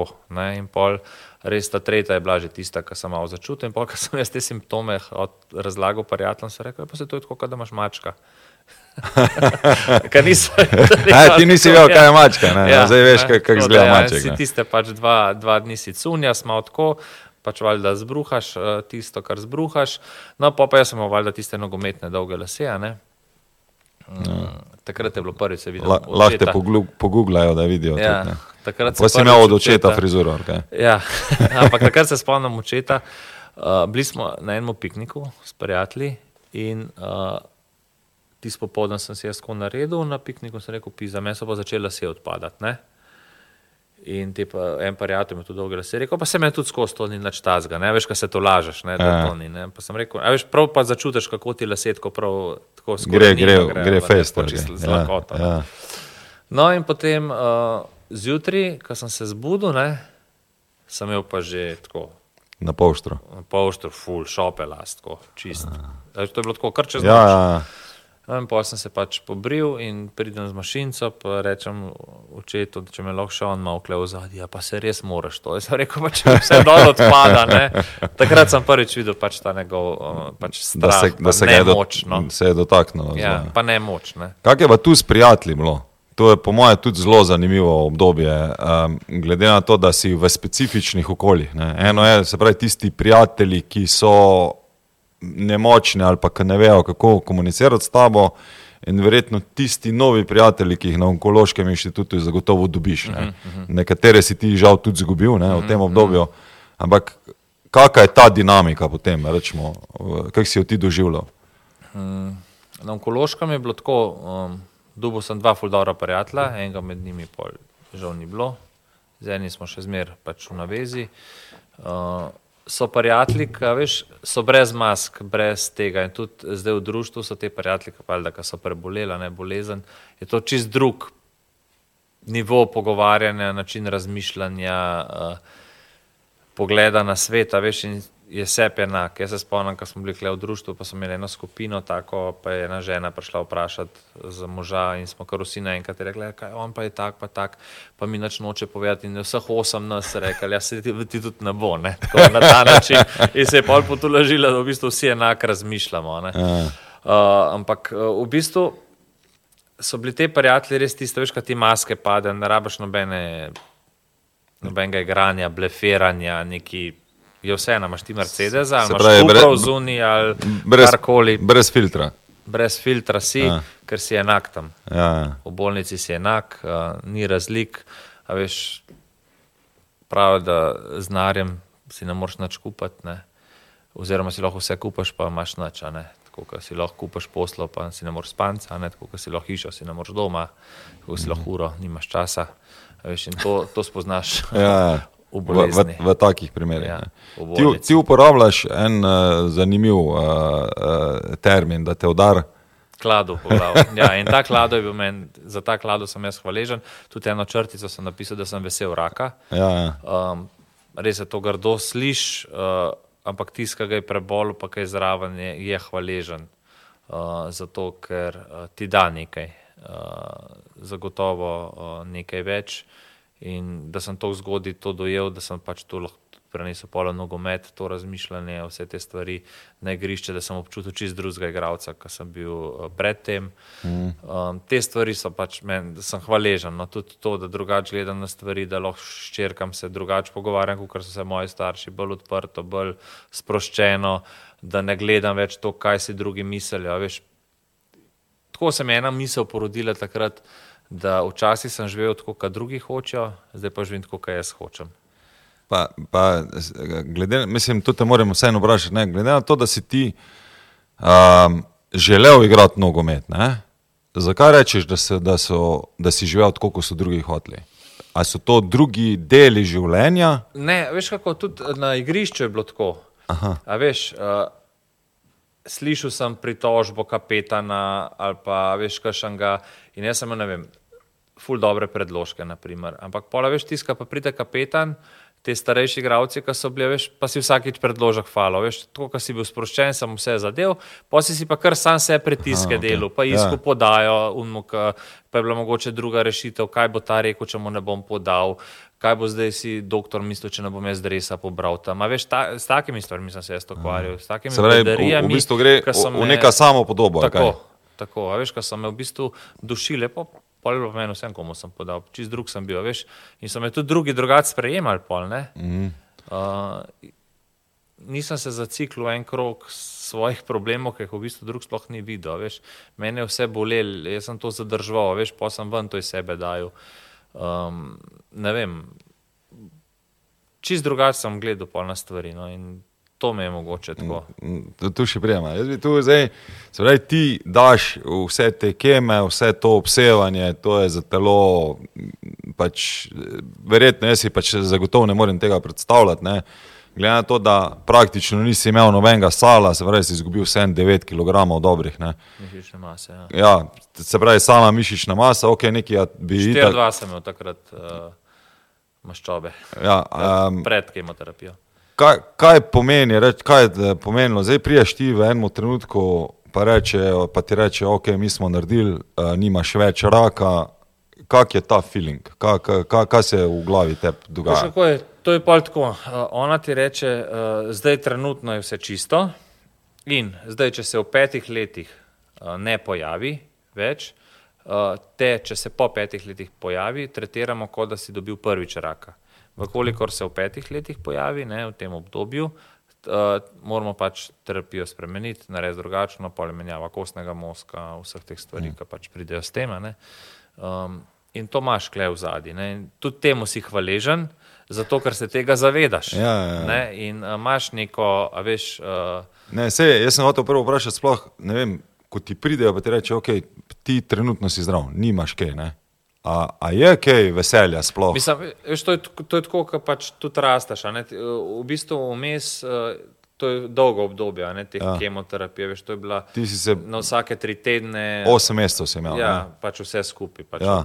Preiskal do, do, do končnega te ozdravitve.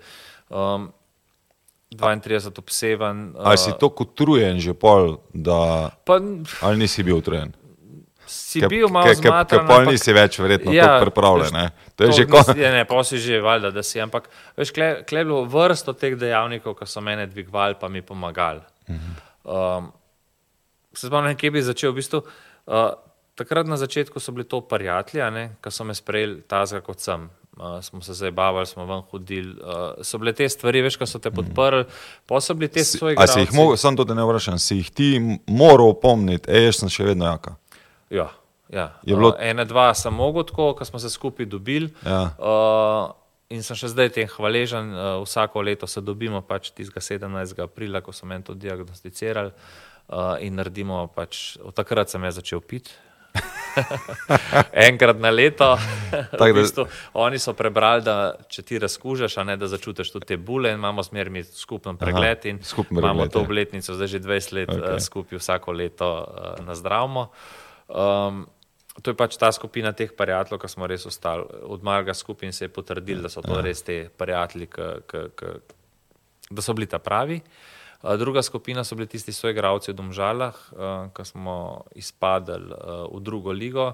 Uh, takratni moj kapetan in nadprotega je postal športni direktor. Uh, in mi je takrat, in stane uražam, no, predsednik, uh, sta mi takrat ful pomagala, ker me je v bistvu pogodba uh, iztekla. Uh, in je rekel, ne, na ti, a kaj, jaz ne vem, kako ne ti pomagamo. Mi smo se odločili, da ti podaljšamo pogodbo. Pa je to v redu, sem rekel. Mislim, veš, takrat ja, si pa pač, val, da se vemo, ti SP-ji pri nas pa.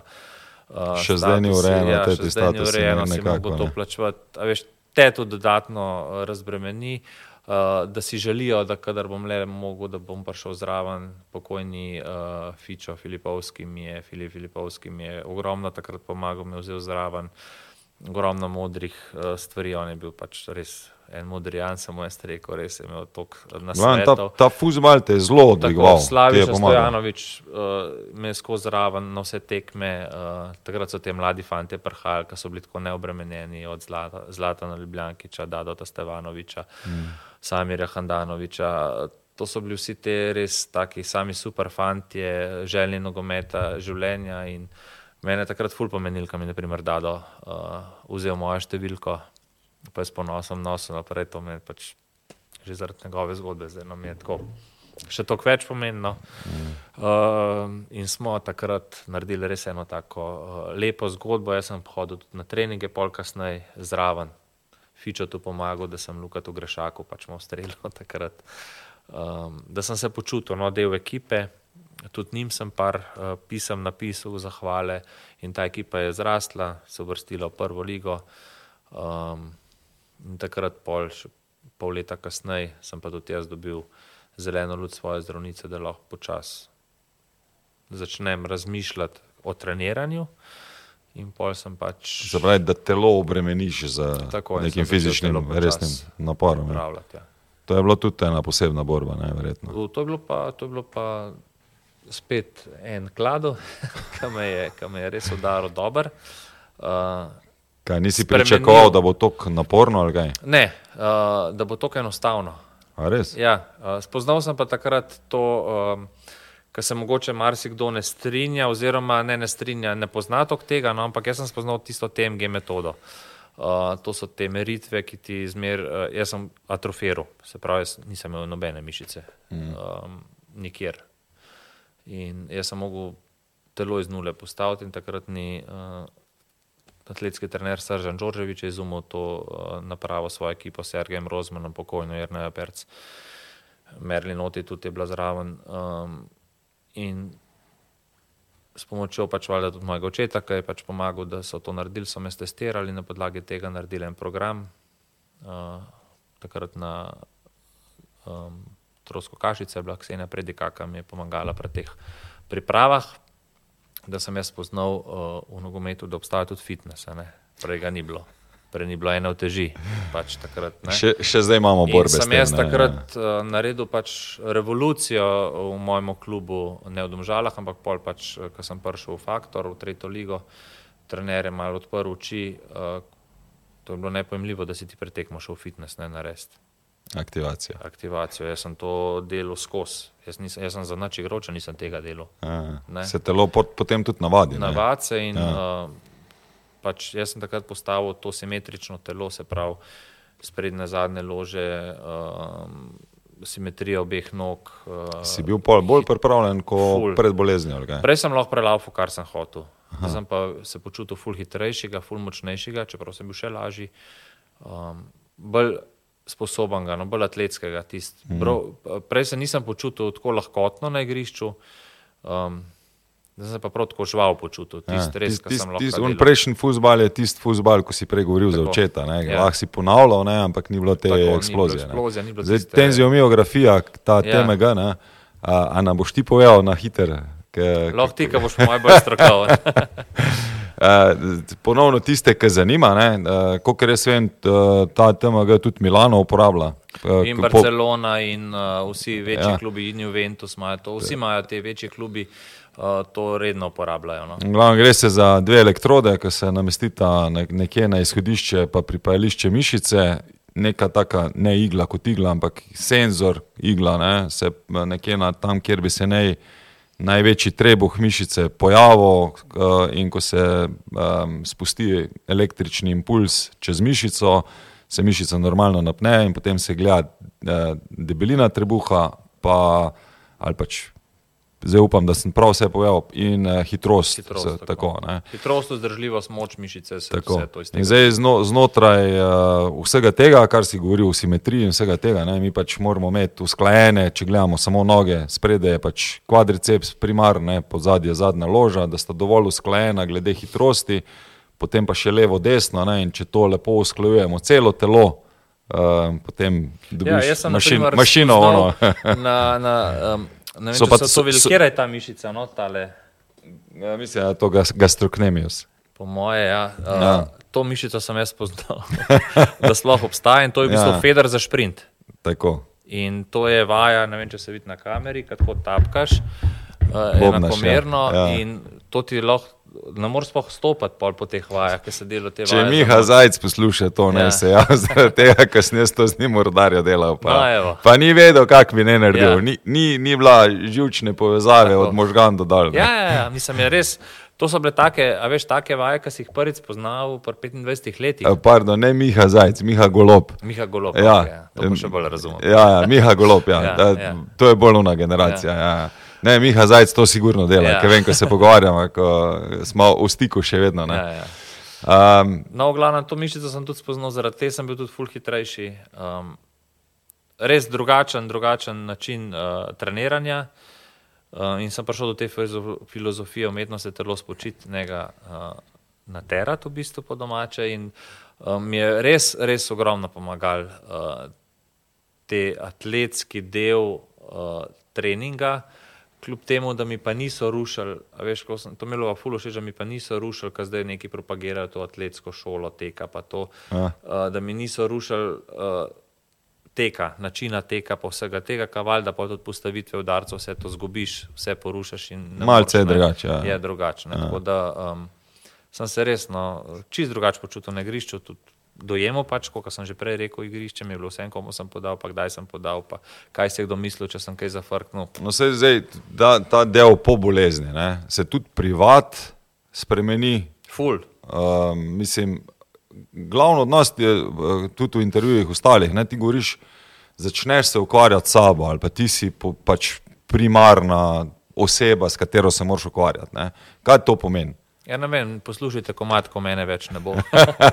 ne vem, jaz čisto enostavno, res, vse bo isto.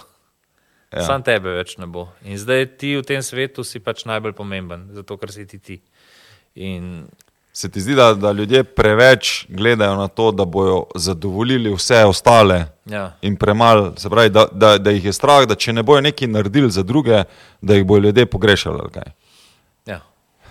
Ampak eh, jih noben ne bo pogrešal.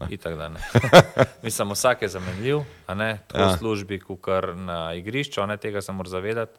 Uh, ne popoln igralec, nisi dober igralec, ne se moraš tudi znati poslušati pacijence, prav če si poškodovan, da to poveš. Mm. Ni konc sveta, če dve tekmi ne boš odigral, ne? pa se boš pozdravil, da ti ne pride to kronično, ne? tako kot določenim igralcem pol prihaja, ki more pa nujno igrati proti rodarju. Ne? Recimo, um, to so vse stvari, ki pač so pomembne v življenju. Ne? Valjda pa moraš nositi določeno mero odgovornosti. Ne? Jaz plih, uh, zdaj bom imela že eno 25 let uh, skupne zveze. Je valjda, da je najlažje zbežati pa zamenjati. Sam ti si naredil družino. Ne? Ti ne boš, če boš sebičen tok, da boš gledal sam na sebe v tistih trenutkih, kakšne krize ali pa česar koli, ne boš sebe prizadel, pa žene, ampak tudi otroke, boš tudi z njih znal narediti invalide. Valjda, klepa je ena mera odgovornosti, da nam zdaj se ja, ja. razumeli, da je zdaj pač uh, ne, tudi uh, odgovornost do ekipe, ne, v končni fazi, ki si ti na igrišču, ne, ni zdaj to, da zdaj pa jaz probavo. Če pa se tu potem, glede na to, da se ti spremeniš, ne, ker se tvoj odnos spremeni, se pravi, Uh, verjetno kdaj rečeš tudi ne, pa ljudje niso tega navajeni, ali pa ne, nekaj ne boš naredil, ali pa nekaj boš naredil, kljub temu, da nekdo pričakuje, da tega mogoče ne bi uh, ali pa si ne želi. Si imel uh, po, potem rečemo tudi kaj konfliktov z, vem, z, z očetom, z, z ženo, z, z ostalimi prijatelji okrog sebe? Ja, skozi, sam se navadiš, veš. skozi. Mislim, veš kaj je. Ampak je, je, je, so sprejemali generalno pozitivno. Ja, ja, ja, več ali manj pozitivno. Mislim, se, jaz sem tudi se taka konflikt oseba- mora biti. Ne? Ja, mislim, jaz prvič sem oseba, ki nikoli ne iščem konfliktov, ki zmeraj iščem rešitve. Ja. Uh, drugič, uh, se veliko rajši nazaj potegnem, pa ne hodim v konflikt, uh, ampak grem pa po svoji poti. Mm. A veš, uh, jaz pravim, da, da cilj ne, uh, ni pota. Ne. A veš, imaš ti en Ja, ja, ja, cilj, ja. ampak imaš pa ima vsak svojo pot. In uh, doskrat uh, je tudi avtocesta res najhitrejša, ne, uh, ta podeželska pot je pa lahko lepša. Ne. Do izga cilja, rečva. Ne? Ja. In uh, zakaj, bi, zakaj bi jaz zdaj nekam drvel, pa mogoče zamudil kaj? Lej, ogromno jih trpi, pa so ljubosumnih, pa jim je hodo, ko grem jaz uh, na dopust z družino, pa kam je lepo, pa ko skozi potujemo, sam lej. Spomini ostanejo, potvanja, ki si hvala Bogu lahko prvoščimo, so mi vse, kar je, a veš, mi ful pomeni, da sem dosti z družino in je to ena investicija. Pa tudi, če mi ne bo nobena včeraj, pa žena je več hvaležna za to, kar smo skupaj preživeli, sem bil jaz te trenutke zadovoljen. In jaz, če jutro umrem, bom srečen, kar sem naredil. a veš. Ker, Jaz sem se pa ker, ker živel tako, ko, ko si zdaj ne. Tako, tako Ja. pač valjda skupaj z družino, ne zdaj, kam pa eno lušno, bom pa vse. Po pa, pa, pa ljudje, ljudje doskrat težko sprejmejo to, da ti rečeš ne. Jaz živim tako, ko, ko bi želel. uh, Vse tako ne rečem nikoli. Veš, nisem tako. narejen. A, ni tako? Ne, ne, Ne. ne, ne, ne, tako nisem nikoli. Uh, se pa dan s prijatelji dam vedeti, pač, da le žal ne morem. Sem rajš ob dan s prijatelji, pa z ljudmi, ki čutijo isto in pač imamo en svoj krok. Uh, včasih naredim kompromis, ampak itak življenje naredi svojo, pač uh, reducirati pač tiste stvari, ki jih, uh, ki jih zraven nasilo pridejo ali pa na tak ali drugačen način. Ker ogromno, veš, ogromno je pač vidim um, ljudi, ki so zakompleksani, ki so. Um, Imajo probleme sami s sabo in na, na, na, na napačen način rešujejo stvari sami s sabo, da vse druge okrožajo, pa vsi drugi trpijo, v bistvu pa pol pride do končnega problema, da je pač v njih uh, napaka, kako živijo, pa kaj delajo. Ne? Ampak za sabo pa puščajo pač velike rane, pa velika, uh, velike uh, travme ljudem. Pač, govorim, ali je to alkohol ali je to vem, karkoli drugega, um, ki bežijo pred nečem. Ne? Zdaj, pa, če se ti soočaš, ne pa nastaviš glavo temu kladu, je pa pač bistveno lažje, čeprav je pa pač tisti trenutek zelo težko. Ne? Čeprav meni je zanimivo, ne, jaz, eh, z- mi dva, ko smo se pogovarjali, tudi ta knjiga Vse o kurcu, je slovenski prevod, ne, noter je en kup teh stvari, tudi, ki jih jaz uporabljam doskrat v šoli ali pa ne vem, tako ko se pogovarjamo med sabo. Ne, da se kaj je na koncu koncev sreča. Ne, ne, e, in je noter ena misel tako, se pravi, če si jaz želim biti srečen, je že v štartu negativna misel, zaradi tega, ker si želim nekaj, kar nimam. Ne.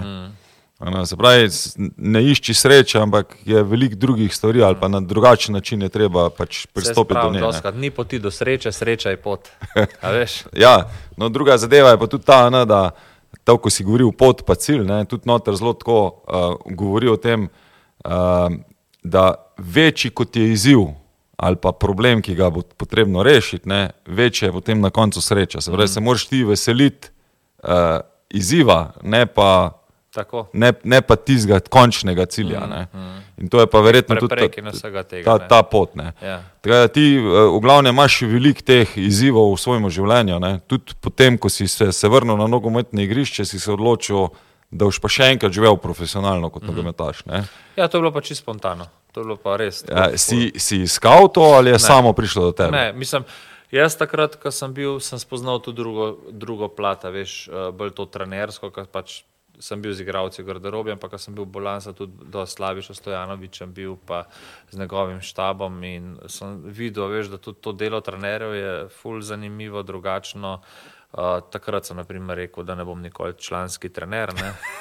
Zakaj ne? Ja, zato, ker veš, kaj ti kaj Preveč interesov. Ne, ti, ki priješ kot nogometaš, a ne, uh, prideš z eno torbico, se oblečeš in narediš 100 ali pa 120 posto, kar ti oni rečejo. Ne? In je to to, in je konc. Ne? On se mora pa ukvarjati s 30 ljudmi, uh, cele dneve, ne? si upet v to zgodbo. Ne? Je res garanje uh, in uh, res spoštujem in cenim to. In tudi to mi je življenje dalo, no, da tudi spoštuješ drugega, kaj dela, ne glede na to, kaj dela, ampak njegovo delo, ne, ker ni vse tako enostavno, pa črno-belo kot se vidi. In se dosta od drugih učim, kaj meni paše, pa kaj ne. ne. Mm. Ampak ja, takrat sem pač spoznaval te stvari, nikoli pa nisem med boleznijo razmišljal, da se bom še kdaj vrnil. Pa mi je pa zapasal, pa pa ta TMG, malo fitness, malo raztegovanje, malo spoznavanje samega sebe.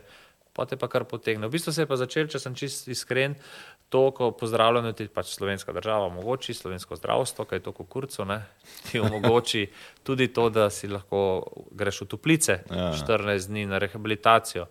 Mm, polke zdravnice pač tam videla, so mi podaljšali, ne vem, če lahko ampak si tako že dolgo nazaj, ja. so mi podaljšali na tri tedne to, da sem pač res tam in tam sem začel pač spet, a veš, tisto občutek dobiti muskar fibra, ko sem hodil na terapije, vse te stvari, kam je pa spet vzbudil to mali. Si ga pogrešal, okay. Ja, in sem prišel spet takoj do zdravnice in sem si rekel, um, sem rekel, da če je kakšna možnost, je rekla, kar se nas tiče, ja, sam počas, z glavo v pameti. In pa sem res dobrega pol leta, sem res samo v fitnessu, počasi malo žogo spoznaval, hodil na treninge in začel igrati v tretji ligi. V Faktorju takrat smo prišli takoj v drugo ligo, prvo leto ostalo v drugi ligi, drugo leto postali prvaki druge lige uh, in pa sem se spet vrnil profesionalno pogodbo v prvo ligo s Faktorjem. Takrat je še Faktor bil še Takrat je bil še Faktor in potem je ta prevzem sedel v prvi uh mhm. -huh. ligi, takrat je na pol leta, uh -huh. na mhm. posem šel pa jaz na Japonsko in tako naprej. Če, kak si Japonsko našel? Uh, trener me je našel. Kdo je bil dol trener? Uh, Hamajoši, Masanuri je bil je trener, ki je pač se izobraževal v Sloveniji takrat. Uh, in so iskali eno pač tako dolgoročno zgodbo, uh, v klubu tem, no, so postavili res dobro ekipo. In pol sem pač bil uh, prvi nogometaš, oziroma v klubu, ki je bil prvi v zgodovini japonskega nogometa, ki je bankrotiral. to je na japonskem zelo, zelo težko. Ja. Uh, si se, to, to vsakega vprašam. Prvič, ko greš v tujino, koliko si se ti pripravil za tujino? Kaj si se pozanimal? Zdaj ti je res, da si že malce starejši bil, ne? Ja. nisi bil več ja, 21, 22. Jaz sem bil takrat 29 let star. Ko si, ko si ponovadi pa 21, sam da je pogodba, pa gremo, pa, pa pride v neko drugo kulturno okolje. Pa... Mislim, jaz sem takrat, mene takrat uh, tujina me zanimala, ker ta prva liga pri nas uh, je bila mi zanimiva, ampak veš, to si že mogoče malo prerastel. No, dosta je bila podobna tisti drugi ligi, ki smo igrali, nič ni bilo drugače, ni bilo tako, kot zdaj, da si imel teh kamer, tok pa tega, takrat so šele začeli malo mm. snemati tekme, pa tako. Um, se je bila v razvoju, ampak si bil res par svetlobnih let v zadnje. Tista japonska je pa že bila in sem te imel še moje soigralce. To je bila Galiča. prva japonska liga. Ne? ne, ne, ne, to je bila tretja ne, japonska liga. Ampak zato, ti si igral dol prvo japonsko? Tudi. Ne. ne? Uh, bil sem uh, v klubu, ampak se nismo dogovorili pol za pogodbo, A, ker v bistvu je bilo tako, da je bila J1 pa J2 je bila takrat licenčna, tako kot MLS. Aha. In uh, v bistvu je ta. V tej ligi, ki smo bili mi, se je v bistvu uh, pridobivala licenca za J2, uh, in pol zaradi lastnikov in teh Eh, ki nista skupaj prišla, pač klub bankrotiral. Po imam jaz slabe informacije. Meni se je zdelo, da, mislim, prišlo, je, da si bil tudi nekje v prvo ligaškem klubu. Aha, okay. Takrat smo bili v tem rozu, ki ima moto, ki je bil, um, so bila uh, tam, ampak se nismo pač dogovorili za sodelovanje, kar mi je še dolno žal, ker nisem ustrajal. Ampak mi je bilo pa tujina, jaz sem se pozanimal pri mojih bivših soigravcih, Hamirjem Karičem, Rinkom Galičem, Petr Binkovski, ki so bili na japonskem, kako je bilo. Takrat je bilo pač vse tako še uh, bolj uh, uh, oddaljeno, več ni bilo toliko interneta, toliko tega, da bi spoznal. Uh, prednost je bila ta, da je bil Hidetoši Vakuji takrat tudi uh, v Interbloku, da mi je pač dosta stvari pomagal. Uh, se pozanimati o tem, z mano je šel tudi Miljan Željkovič, ki so še danes ful velika prijatelja, so se tam ful zbližala. Spoznaš drugo kulturo, način treninga, razmišljanje, vidiš, kaj je profesionalizem, pristop uh, nogometašov, druga kultura, drug način razmišljanja na igrišču. Vidiš, da so res roboti na igrišču, da ni neke improvizacije, da je preveč ubogljivo, preveč ubogajo na svete, preveč, veš. Po drugi strani so pa zelo egoistični. Ja, ja. Ja. To je, to je z, z, z dr. Verdenik, zdaj ko je isto pač rekel. Ne, In da je tudi on, ko je deloval dol, da se je vedno iskalo južne Korejce. Ne? Ja. Da So so, da so bili ja, tako ja. malo kreativni, drugače. Pa, Če nisi igral v Evropi, um, je zelo težko. No. Jaz sem kot Finger največ strelov v ekipi na gol. Ker to si lahko včasih so, so bile tekme, ki si lahko kar vzel gol ven, bile so tekme, ki si izgubil, pa se niso nadsekirali nobeno klubu. Mogoče tudi zaradi sistema, ki nisi ne izpadel, ne naprej šel. Mm. Veš, je bilo bolj ta ameriški način, ne dosti kopira Amerike, čeprav sem mislil prej, da ne, ne, pa je kar kopija, dosti kopija. Super, ja. Um, tako no, um, je bilo pa tehnično, so bili pa neverjetni. To, pa, to je še Mihajlo Petrovič rekel, polka smo ga obiskali takrat, eh, je rekel, da kaj tazga pa ne vidiš vsak dan, koliko so to. Jaz sem takrat prvič videl, naprimer, našega golmana, četrti. se pravi, golman, pa tehnično in tretji. taktično dobro, ampak ni kaj strasti ta pravi. kaj? Ni strasti, pa ni uh, jajc. Aha, ni, ni. Veš, ne, ne izpost, upa. ne upajo se izpostaviti. Paralelo boš igral in ne bo diagonale dal ni šans, no. ker mu je rekel sam paralele. Mm. Ful navodila, veš, v nasprotni ekipi. Tako, Prosti, pre, prekinil sem, eh, da, da Golman je. E, naprimer, to mi je bilo ful zanimivo. Tretji pa četrt golmana, veš. Ja. Ja. Jaz sem to prvič videl v živo. Sta si podajala s pol volejem z- z levo in z desno nogo in sta se v roke zadela. Od 16 do sredine, ene na sredini stoji, na 16 in si s pol volejem podajala in se v roke zadevala. Tretji pa četrt golman Ja. v tretji ligi. A veš, tako, koliko so bili to tehnično res tako v nulo. Ne? Sam kaj? Kaj ni to, to ni to. Ne. Ja. A, zdaj, eh, kdaj si se ti, da še ta del malo obdelamo, ker zdaj smo že eh, v podaljških noter. tudi. Mi da bi se verjetno lahko ne Pokalna tekma je, ne? Ja, ja, ja, ja bomo šla verjetno malo penale. Ok, ti zaključuješ, potem počasi še imaš neke epizode nogometnega igranja, ampak počasi zaključuješ. Kdaj se ti začneš vključevati v onkomena? U, v, bistvu sem se. Kol- jaz- Koliko let sploh onkomen pri nas deluje? No? Pet let. Okay. To je slovensko društvo. Okay. Um, jaz v bistvu sem bil član eh, Društva onkoloških bolnikov Slovenije. Uh, tam je tako, da moraš tri leta po končani bolezni se še lahko aktivno vk- vključiš, kar mi je ful dobro, zato da se najdeš, da vidiš, če si sploh za to, da boš pomagal. ne.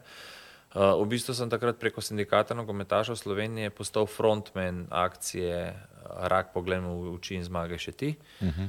uh, ki je šla pol tudi v svet. Um, takrat jaz sem postal v bistvu prvi profesionalni športnik, ko sem se vrnil po bolezni v nogometu, profesionalni šport v Sloveniji.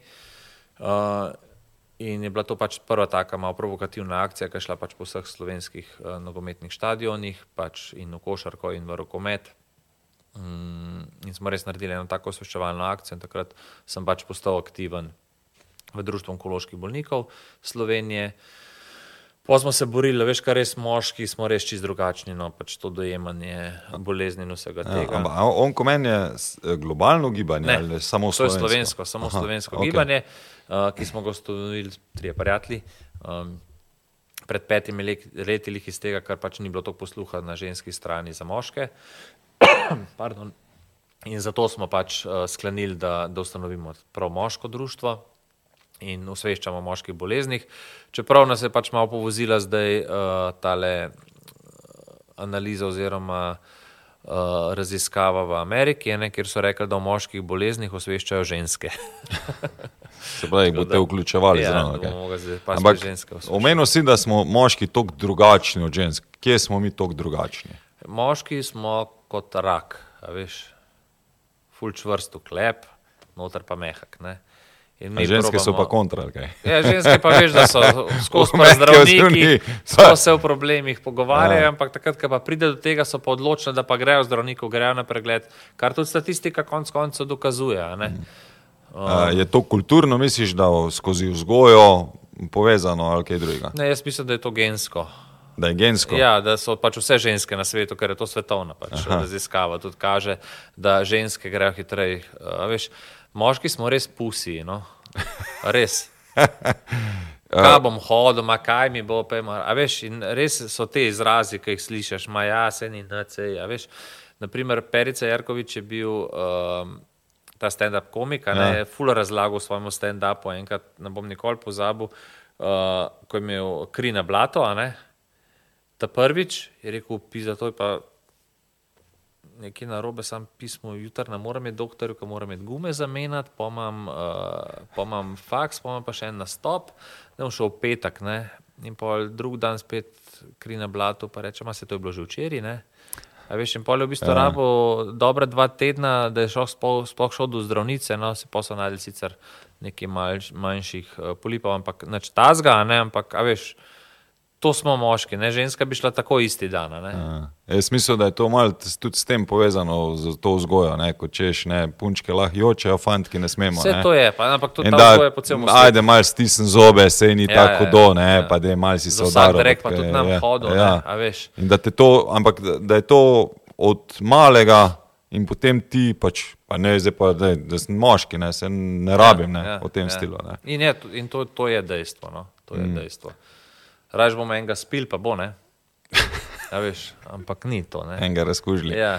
Um, kaj je vaš cilj generalno ob tem, da se o, o, ozavešča ljudi, se pravi, da se pravi moške, ne, zdaj letošnja akcija je za, Rak prostate. ja, ste mlaj postavili za 50-letnika, Tako. ne, Zato, ker je tako simbolično, veš, tudi ko moško, ne pač mlaj se postav pri 50 letih, ne, in prelomnica Abraham, ne, in pač pol pa žalostno, ne, da pa vsak četrti po 50 tam v Sloveniji zboli za rakom prostate. Um, in smo hoteli pač na to problematiko upozoriti, da se pač gre po 50 takoj po slavju pregledati. Mm. Kdo je lahko član onkomena? Kdor hoče, od moških do žensk. Uh, v bistvu, če čistko povem iskreno, nismo, nismo prav iskalci članstva, uh -huh. ampak smo bolj en kot v tem svetu zdravstvenem, onkoloških bolnikov ali pa bolnikov na splošno, smo bolj en posrednik.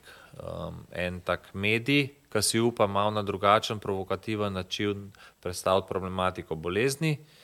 Uh, in potem, ko pridejo do nas, jih pač eh, mi usmerimo na ta pravo društvo oziroma na ta pravi naslov, kjer jim lahko pač specifično pomagamo, zato ker nočemo biti res tisto tipično slovensko, veš, vseh nam, da bomo imeli pa mi vsi ostala društva, vse strokovnjake na svoje. Zakaj, če je društvo obstaja že 20 let, ki skrbi za, za limfo, uh, ga bomo dal kje, ne, uh -huh. rak prostate, imajo tudi svoje društvo, jih bomo kje usmerili in bojo oni pač res strokovno lahko naredili, mi pa bomo eno tako splošno um, osveščanje delali vsako leto o moških boleznih. Pa pol tudi uh, sodelujete kaj z onkološkimi Z inštitutom? vsemi, z vsemi. Imamo tudi, uh, smo tudi združeni v Onkonet, uh, kjer so vsa ta onkološka društva skupaj, delamo skupno akcijo, tako da vrsto teh stvari, uh, ki povezujemo, hočemo biti res povezovalni, uh, ne pa razdruževalni. No. Tako. Mm.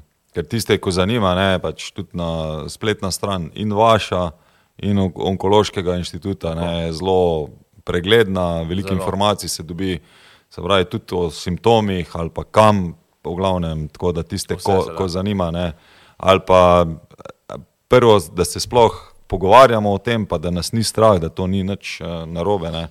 Eh, Na drugi strani pa, da, da se še koga za kakšne brke rečemo. No, pa naprimer tudi ne. lansko leto smo imeli uh, akcijo uh, Dej se preglej, ja, ne, oziroma um, o modih, letos mm -hmm. imamo Dej se preglej, lansko leto smo imeli pa akcijo um, o modih, uh, o samem pregledovanju mota ne, in v bistvu ti vzame 30 sekund na mesec potušem, da se pregledaš moda. Mm -hmm. Torej 30 sekund v enem mesecu pa res ni veliko. a Ne. Video je bil zelo dober, Ja. moram reči. Imamo jih kar nekaj, ja. Ja. in v kajenju, in uh, pol v modih. Ja. Ja. So kar Tega, v glavnem vsako leto poskušate nek, nekaj Tako, drugega. ker tudi opozoriti. letos ne, pač imate res uh, uh, dober video, ne, se, se tudi uh, na, na televiziji dosti vrti. Kdo vam pa pomaga pri teh stvarih? Pol? Uh, ponavadi je tako, da nam vedno kakšna agencija priskoči na pomoč, probo ono naredi, vsako leto druga. Uh, povemo jim svoje želje, kaj si želimo, in pač oni to sprovedejo, izvedejo. Um, ko pač vsi smo valjda volonteri, uh, vsi pač delamo po najboljših močeh, kadar le lahko. Mm. in mislim, da nam uspeva zelo dobro. No.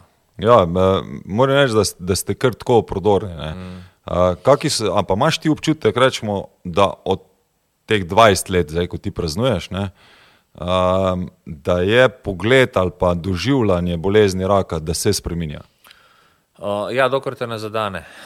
A tam je pa pol isto. Pole ali pa isto. Ja. A veš, ti si zmer si junak. Uh, na tribuni. Ne? Ne, mislim, sem tudi, a, a, a imaš občutek, da se ljudje, da vseeno tudi z temi vašimi akcijami, da prej grejo na pregled, da To lažje je. sprejemajo.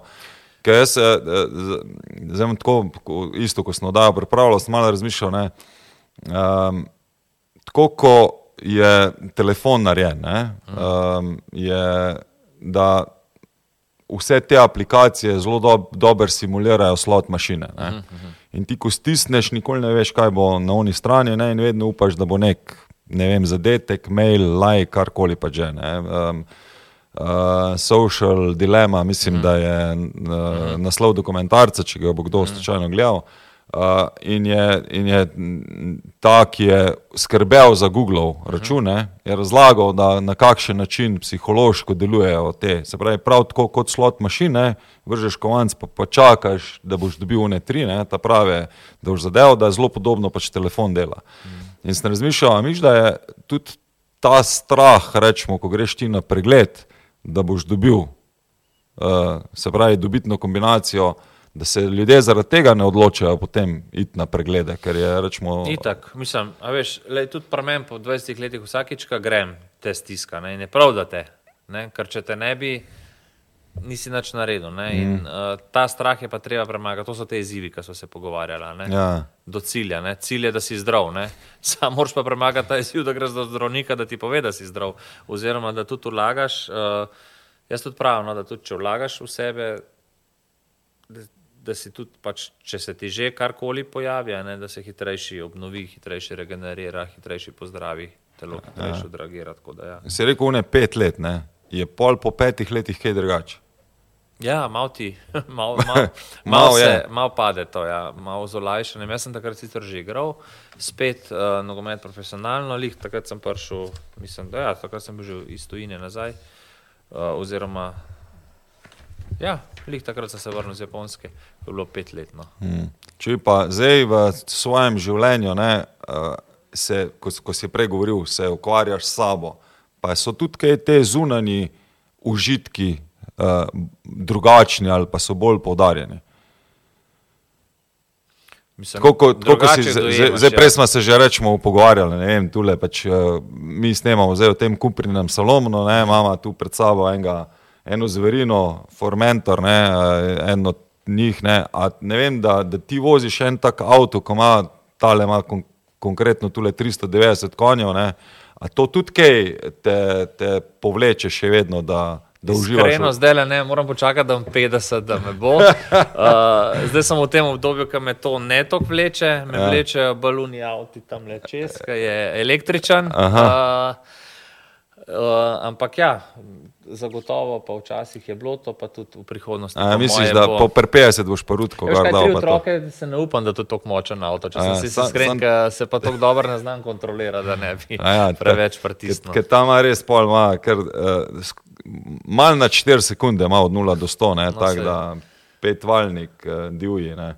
Uh, in ga je ponovno lepo uspel narediti, no, tudi linije so dobre. Je p- Prej prej sem sedel noter v njemu, ne, tudi uh, tako, res športni pridih za, No, sem se tudi jaz naskrival, ker ste vi pripravljali vse. za, za, a, za adrenalin, ne, po moje. Tako, Ne, ne. pa fule, notor je top, tako, tudi kar družinski. Ker družinski, ja, se ja. vidiš, bi lahko tudi Ja. ja. uh, bilo za družino, ne, ne rabiš. Čeprav veš, tisto, ko si rekel, ne, za, za bor, ne, za elektrika, tudi on ima. Uh, To pa tudi. Ima tudi Je tudi šest, živahen. še, šest pa pol na od 0 do 100, ne, tudi, da je, tako da je tudi zelo živ. ne. Ja, ja. Uh, se pravi, so tudi uh, takšne u- užitki lahko. v- Definitivno. V, Definitivno je pa tudi res, da sem pa tudi po bolezni uh, šel pa na, na, na, na takrat, če ni bilo, no, prebrane to kizmičo, ni bilo še na MZS-ju, na trening varne vožnje in to pa tudi priporočamo vsem, da tudi tazga le korenjaka vzamejo, da najprej ga tam sprobajo, pa spoznajo vse te pasti. pa da da skiro zadnji si, ali Tako, kaj. pa, Ko od da te malo naše na rit. mokrem pa kdaj bo za bremzo, pa koliko bo za bremzo, sploh kako bo za bremzo. Ker se spomnim, da takrat je bilo treba full za bremzo, da si sploh ustavil avto, da so se vsi štiri ABS-i vklopili. To so take stvari, ki so pa tudi priporočljive in pomembne, da, pač, uh, da greš no, na ta trening varne vožnje. Zdaj pa je te mladi vozniki, morajo to narediti, ne, nam pa ni bilo treba, ampak bi, no, tudi vsem na 70 bi pa moj tudi priporočil, da bi bilo obligatorno. Tam je, kaj, tam je potem kar že nevarno, Ja. tudi, ne, Zdaj, ko mal, uh, kakšna reakcija zaspi mal. Ne. Ja. Uh, Dej, mi dva smo zdaj res že proti penalu. Um, Reč mi, tu bi mal poskušala mogoče eh, zaključiti tole oddajo, pa bomo mi dva še potem izven. Uh, pa če bo koga kaj zanimalo, absolutno na spletno stran, pa, pa kakšne informacije. Um, kaj bi ti generalno, rečemo zdaj, svetoval nam, moškim, ki, hvala Bogu, moram reči, da za, ni, nisem uh, šel v raka, imel, sem, imeli smo nekaj v družini. Ne? Um, ti se še vedno pač vsako leto pregleduješ, preventivno, verjetno tudi cela tvoja družina. Uh, mal, malce zaradi genetike, ali kaj je, malce zaradi česa drugega. Ja, mislim, pač uh, jaz bi mogel, rad bi dosegel to, da to pride v neko folkloro. No? Da, da postaviš res sebe na prvo mesto, ker tudi tega avta ne boš mogel voziti, če ne bo zdrav. Ja. Uh, in da najprej preden damo na pregled avto, pa na servis avto, da damo na servis sebe. Uh, tako na servis tukaj, uh, s kakšno dobro knjigo, uh, s kakšnim vdihom uh, za sebe, um, pa tudi kakšnim medicinskim uložkom vmes, pač, da si daš res tisto kri pregledati, pa če veš, da imaš kaj v družini, da malo obrneš pozornost, pa da greš spoznati svojega osebnega zdravnika ali pa da si saj odpreš kartoteko prnemo no, in da greš tja, ne šele takrat, ko te kaj boli. Uh, ampak čist preventivno, na dve leti je več kot dovolj, uh, da se daš tisti pregled, ki ti pripada. Um, po drugi strani pa tudi, uh, če ti ne, ne oziroma če ti, si pa lahko tudi samo vlačniško, pač mislim, da vsak lahko privošči to, da, uh, da da nekaj v sebe. Kam pa ne grejo, rečemo tisti, ki želijo samo plačniško. Polno teh medicinskih se, uh, centrov, ki so že samo plačniški, ki to izvajajo po celi Sloveniji. To vi nimate usmeritve na Uh, spletni strani, ne? Nekaj usmeritev je teh minimalnih, to še postavljamo, zato ker je res ogromno tega, nočemo neč preferirati, da nismo pol.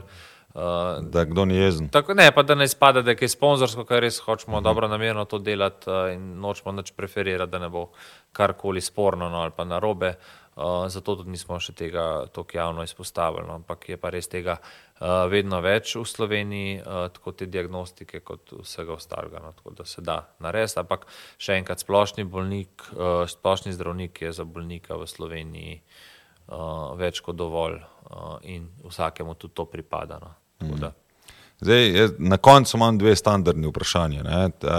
Eno od teh je, kaj bi ti svetoval danes mladim igravcem, glede na svoje izkušnje, kariero, pa tudi zdaj rečemo modrost eh, življenjsko. Um, pa verjetno tudi glede na to, kaj ti danes počneš ne, kot uh, agent uh, mladim igravcem, uh, kaj ti vidiš danes, kam bi jih usmeril, kaj naj počnejo, kak bi bil osnovni nasvet. Osnova na svet je to, da naj ne tekmujejo, v smislu, da naj ne nabirajo lovorik, ampak naj nabirajo svoje znanje. Se pravi, znanje jim noben ne bo vzel, lovoriko te lahko vsak vzame. Jaz mi rečem, valjda, moraš biti tekmovalen, moraš biti tekmovalen v smislu, da boš naredil prvo osem več, uh, kot vsi ostali po žongliru slabšo nogo, da boš večkrat zarolo žogo kot vsi ostali v tem smislu, da boš dal več golov kot vsi ostali na treningu. To boš pa tako, da boš na delu tisoč ponovitev z eno nogo v steno, pa drugo nogo v steno, tega ti ne bo noben vzel, znanja ti ne bo noben vzel. Tako kot kolesa, kaj enkrat znaš voziti, boš tudi to sprejemil, dajo žoge, tega ti ne bo noben vzel. In to je bolj važno, kot vsaka osvojitev turnire, pa kot vsaka lepa kopačka, pa vse ostalo. Uh, tega časa ti ne bo noben dal nazaj. Uh, in jaz pravim, od 8. leta do nekega 14. leta je to obdobje, ko moraš ti znanje pridobivati, to tehnično znanje, da si pol suveren, tudi v taktičnem. Uh, ne rabiš nobene kondicije, nobene vaje za moč, uh, ničesar, uh, to vse pol pridobiš, ker se ti tako vse poruši, enkrat, ko začneš rast. Uh, um, to bi jim položil na srce, ker opažam, da je tega vedno manj, no, da je to na zadnjem mestu. Uh, tudi staršem ne bodo starši uh, otrokom, No, se, tu, tu bi te eno, eno umestno vprašanje, Ja. bi še imel, preden gremo na starše. Ja. ne. A, glede na to, da je oče igral, bil trener, a, v bistvu je bil a, tudi vodja tehničnega sektorja na NZS-u, kar pomeni zelo o, um, odgovorno vlogo, je imel, tako bom rekel, ne, a, skrbel za reprezentance mlajših kategorij in tako naprej. Um, kak je bil on tvoj kritik? Največji. Kako sta se to. skregala, kaj? Ne, skregala se nisem, ker sem bil zelo obogljiv, tako, Aha. uh, ampak je bil največji kritik. Zelo težko je, uh, več je graju k, k Pa hvalu. uh, ampak mene je to podžigalo, veš. In, uh, kl, pač kle so pa že te generacije, kakršni fanti, pa jih treba malo pobožati, pa malo tako, da, da, da jih dvigneš. Kako si pa ti starš? Uh, po mojem, full strok. Ne, mislim tako uh, po tekmi, ne, ko gledaš. Ne, to pa rad pohvalim, rad povem, uh, pač valjda tudi kaj, tako se ne vmešavam tok, čeprav mm. me malo zamika, če sem čisto iskren, ampak se zadržujem. Pri baletu se pač ne moramo, ne, pri Ja. atletki se z njo kar pogovoriva. Um, mi pri tej ščirki, ki atletko treniram, je ful pač dober, no, da je lahko povem, da, da ne da vsakič vse od sebe. Um, atletka mi je tako specifična, veš, enkrat sem jo pel v Maribor na tekmo, 9 sekund pa je šla domov, veš. Ne, res gara za tistih 9 Ja, ja. sekund. a Ne, Aha, na- tri, je štiri šprinterka, kaj? Uh, vse discipline, ampak takrat Ja, je bilo samo pač ti tako, ja. šprinta, ne, ampak ja. Um, je tako, no, um, takrat je bila še pač malo mlajša, Ja, ja, tako, ja, veš, ja. gre za 9 sekund nekam na tekmo pa nazaj. No, tako, je drugače, veš. Uh, Sam adrenalin je pa, kot da si odigral ja, 90. Ja. To, um, pa da se ona pač dobro počuti, a veš, ti se moraš pa nahajati, da takrat najboljš narediš. Pri nogometu se lahko malo ne, uh, šparaš, pa tako. Pri tej nogometašici pa je tako, no, da je pa pač. Uh, Jaz že vidim to večjo sliko, ne ona je pa teh manjših in da se res tudi- tudi staršem bi rekel, naj se, naj se ne, ne, ne, ne zaletavajo, pa naj se ne rastejo na teh majhnih lovorikah, pa na teh turnirjih, pa vseh teh, ki je lahko marsikdo sprogramira turnir, da bo vsak, vsakeč z medaljo prišli, ampak medalja nič ne pomeni, če ti nima znanja in uh, nažalost je tega znanja um, vedno manj, no? tega nogometnega znanja, uh, lik zaradi tega. Da jaz Se preveč tekmuje, pa premalo pusti, Napačno tekmuje, no, tako. a Veš, Ja. Mi smo tudi uh, kumi čakali te turnirje, ampak to so bili dvakrat na leto. En je bil v dvorani, se spomnim, smo šli v Avstrijo igrati na turnir kot mulci, pa spomladi je bil en turnir in to je bilo to, ali smo šli kam v tujino, ali pa je bil klena. V bistvu meniš, da je preveč. tega. Preveč je tega in, a veš, otrokom to pride tako, pol so tako kot te Japonci, ki jim je vse. A si zmagal ali si izgubil, veš, to pa ni prav. Ne? Ja, Um, moraš biti Ja. ja. želet. In pa veš, takrat, ko pa pride do resnega futbola, pa velika večina že obupa, se naveliča, karkoli. No. čustveno izpraznjen. Ja, jaz tudi pravim, da do 10. leta, 12. leta ne rabaš imeti vikendov, da bi imel dosto, zadostno količino tekam, pa treningov ne, v teh generacijah in tudi te otroci imajo tiste vikende z družino po desetih letih. Je super, ne, da imajo, ne, da hodijo pač po turnirjih. Pa nimajo nič od tega, če mene vprašaš. No. Um, to diskusijo lahko, pa, Ja, ja, na, pa naslednjič pa imamo spet naslednje ja. Ja. dve ure ali pa še kaj zraven. Smo kaj ključnega po- pozabila glede tega, tudi za kar smo danes delali. Oddajo, Ja, jaz upam, da so bila dostno, da so pač te moške, ki gledajo, dajo, da spodbudila k temu, da se pregledujejo, da postavijo sebe na prvo mesto, pa da, da, da zberejo ta pogum, eh, dajo jajca eh, na mizo in jih tudi uh, pri zdravniku dajo na mizo in povejo svoje tegobe, svoje težave. Uh, pravočasno, ker še enkrat zdravstvo pri nas uh, je uh, zelo na visokem nivoju, ampak Jaz upam, da si užival. No? Zelo hvala za povabilo. Uh, tudi užival sem, ko sem gledal prejšnje oddaje. Uh, sicer je bilo malo časa, no, ko so res dolge, ampak uh, se jih splača pogledati in res toplo polagam na srce vsem, da si jih pogledajo, ker je full, full zanimivih tem. Uh, bi dal kar za obvezno no, tem uh, otrokom in staršem za, za gledati. Ja, jaz, jaz tudi upam, da, da predstavljamo, kako skozi podarjamo. Ne? Se pravi, nogomet je res veliko več kot le zmaga in poraz. Ne? In da tudi vsi ti naši gosti, ko jih imamo, da predstavite, se pravi, mm. da tako ti ne, mm. predstavite res zadevo um, skozi oči tistega, ki je v nogometu in kaj vse pač potem ponuja uh, ta, ta nogomet. Ne, ker mm. tudi rečemo tep, verjetno uh, je ta nogomet precej pomagal, da si šel lažje čez eno tako, le, lahko rečemo, res težko bolezen, ne, mm. pa, pa še vse ostalo zraven. Uh, glavno, jaz sem zelo užival. Uh, up, upam, da zdaj se bomo večkrat srečevali, te, te pokličem, ko bomo v Ljubljani, da, da te ulovim. Um, v glavnem, še enkrat, uh, sponzorsko, da povemo, da enkrat, da smo uh, na Verovškovi, uh, Porsche, hvala lepa za prostore, Kuprin salon, uh, avti, res so jim uspeli uh, v, v tej seriji. Um, tako da tiste, ko zanima, uh, mal športni tip, ne, ne pridejo sem, si pogledajo, naredijo kako tesno ožno. Uh, vsi ostali pa um, sledite, delite, če se vam dajo všeč. Uh, tako kot je rekel Jaka, ne, odaje en kup, uh, uh, vas čakajo tudi za nazaj. Uh, jaz verjamem, da šel še kako za nazaj. Ja, bom šel, zagotovo bom šel še. Uh, Moje kar vse. Res, vsak ima svojo zgodbo in vsaka je res zelo, zelo zanimiva, unikatna se ne ponavljajo in ogromno zvešno. Ja. Da ne bom koliko izpostavljen, ampak je že parih bilo. Ja, ne, um, tu bi še zad, zadnji stavek, bom še sam rekel, ne, tako kot je v tej knjigi, ne, vse je v kurcu, uh, vedno imaš na robe. Uh mhm. -huh. je, se veselim, da bomo enkrat tudi verjetno s tabo. Ne, um, Snemali ponovno oddajo, pa da bomo ugotovili, kaj vse smo naredili danes na robe, ali no, pa kaj se bomo naučili, pa no, druge, druge, po, druge poglede. Uh, našli. Tako da, še enkrat, hvala lepa. hvala lepa. Mi pa, ko je naslednja oddaja zunaj, boste obveščeni, če nas boste sledili. Da, hvala za, za danes, pa nasvidenje.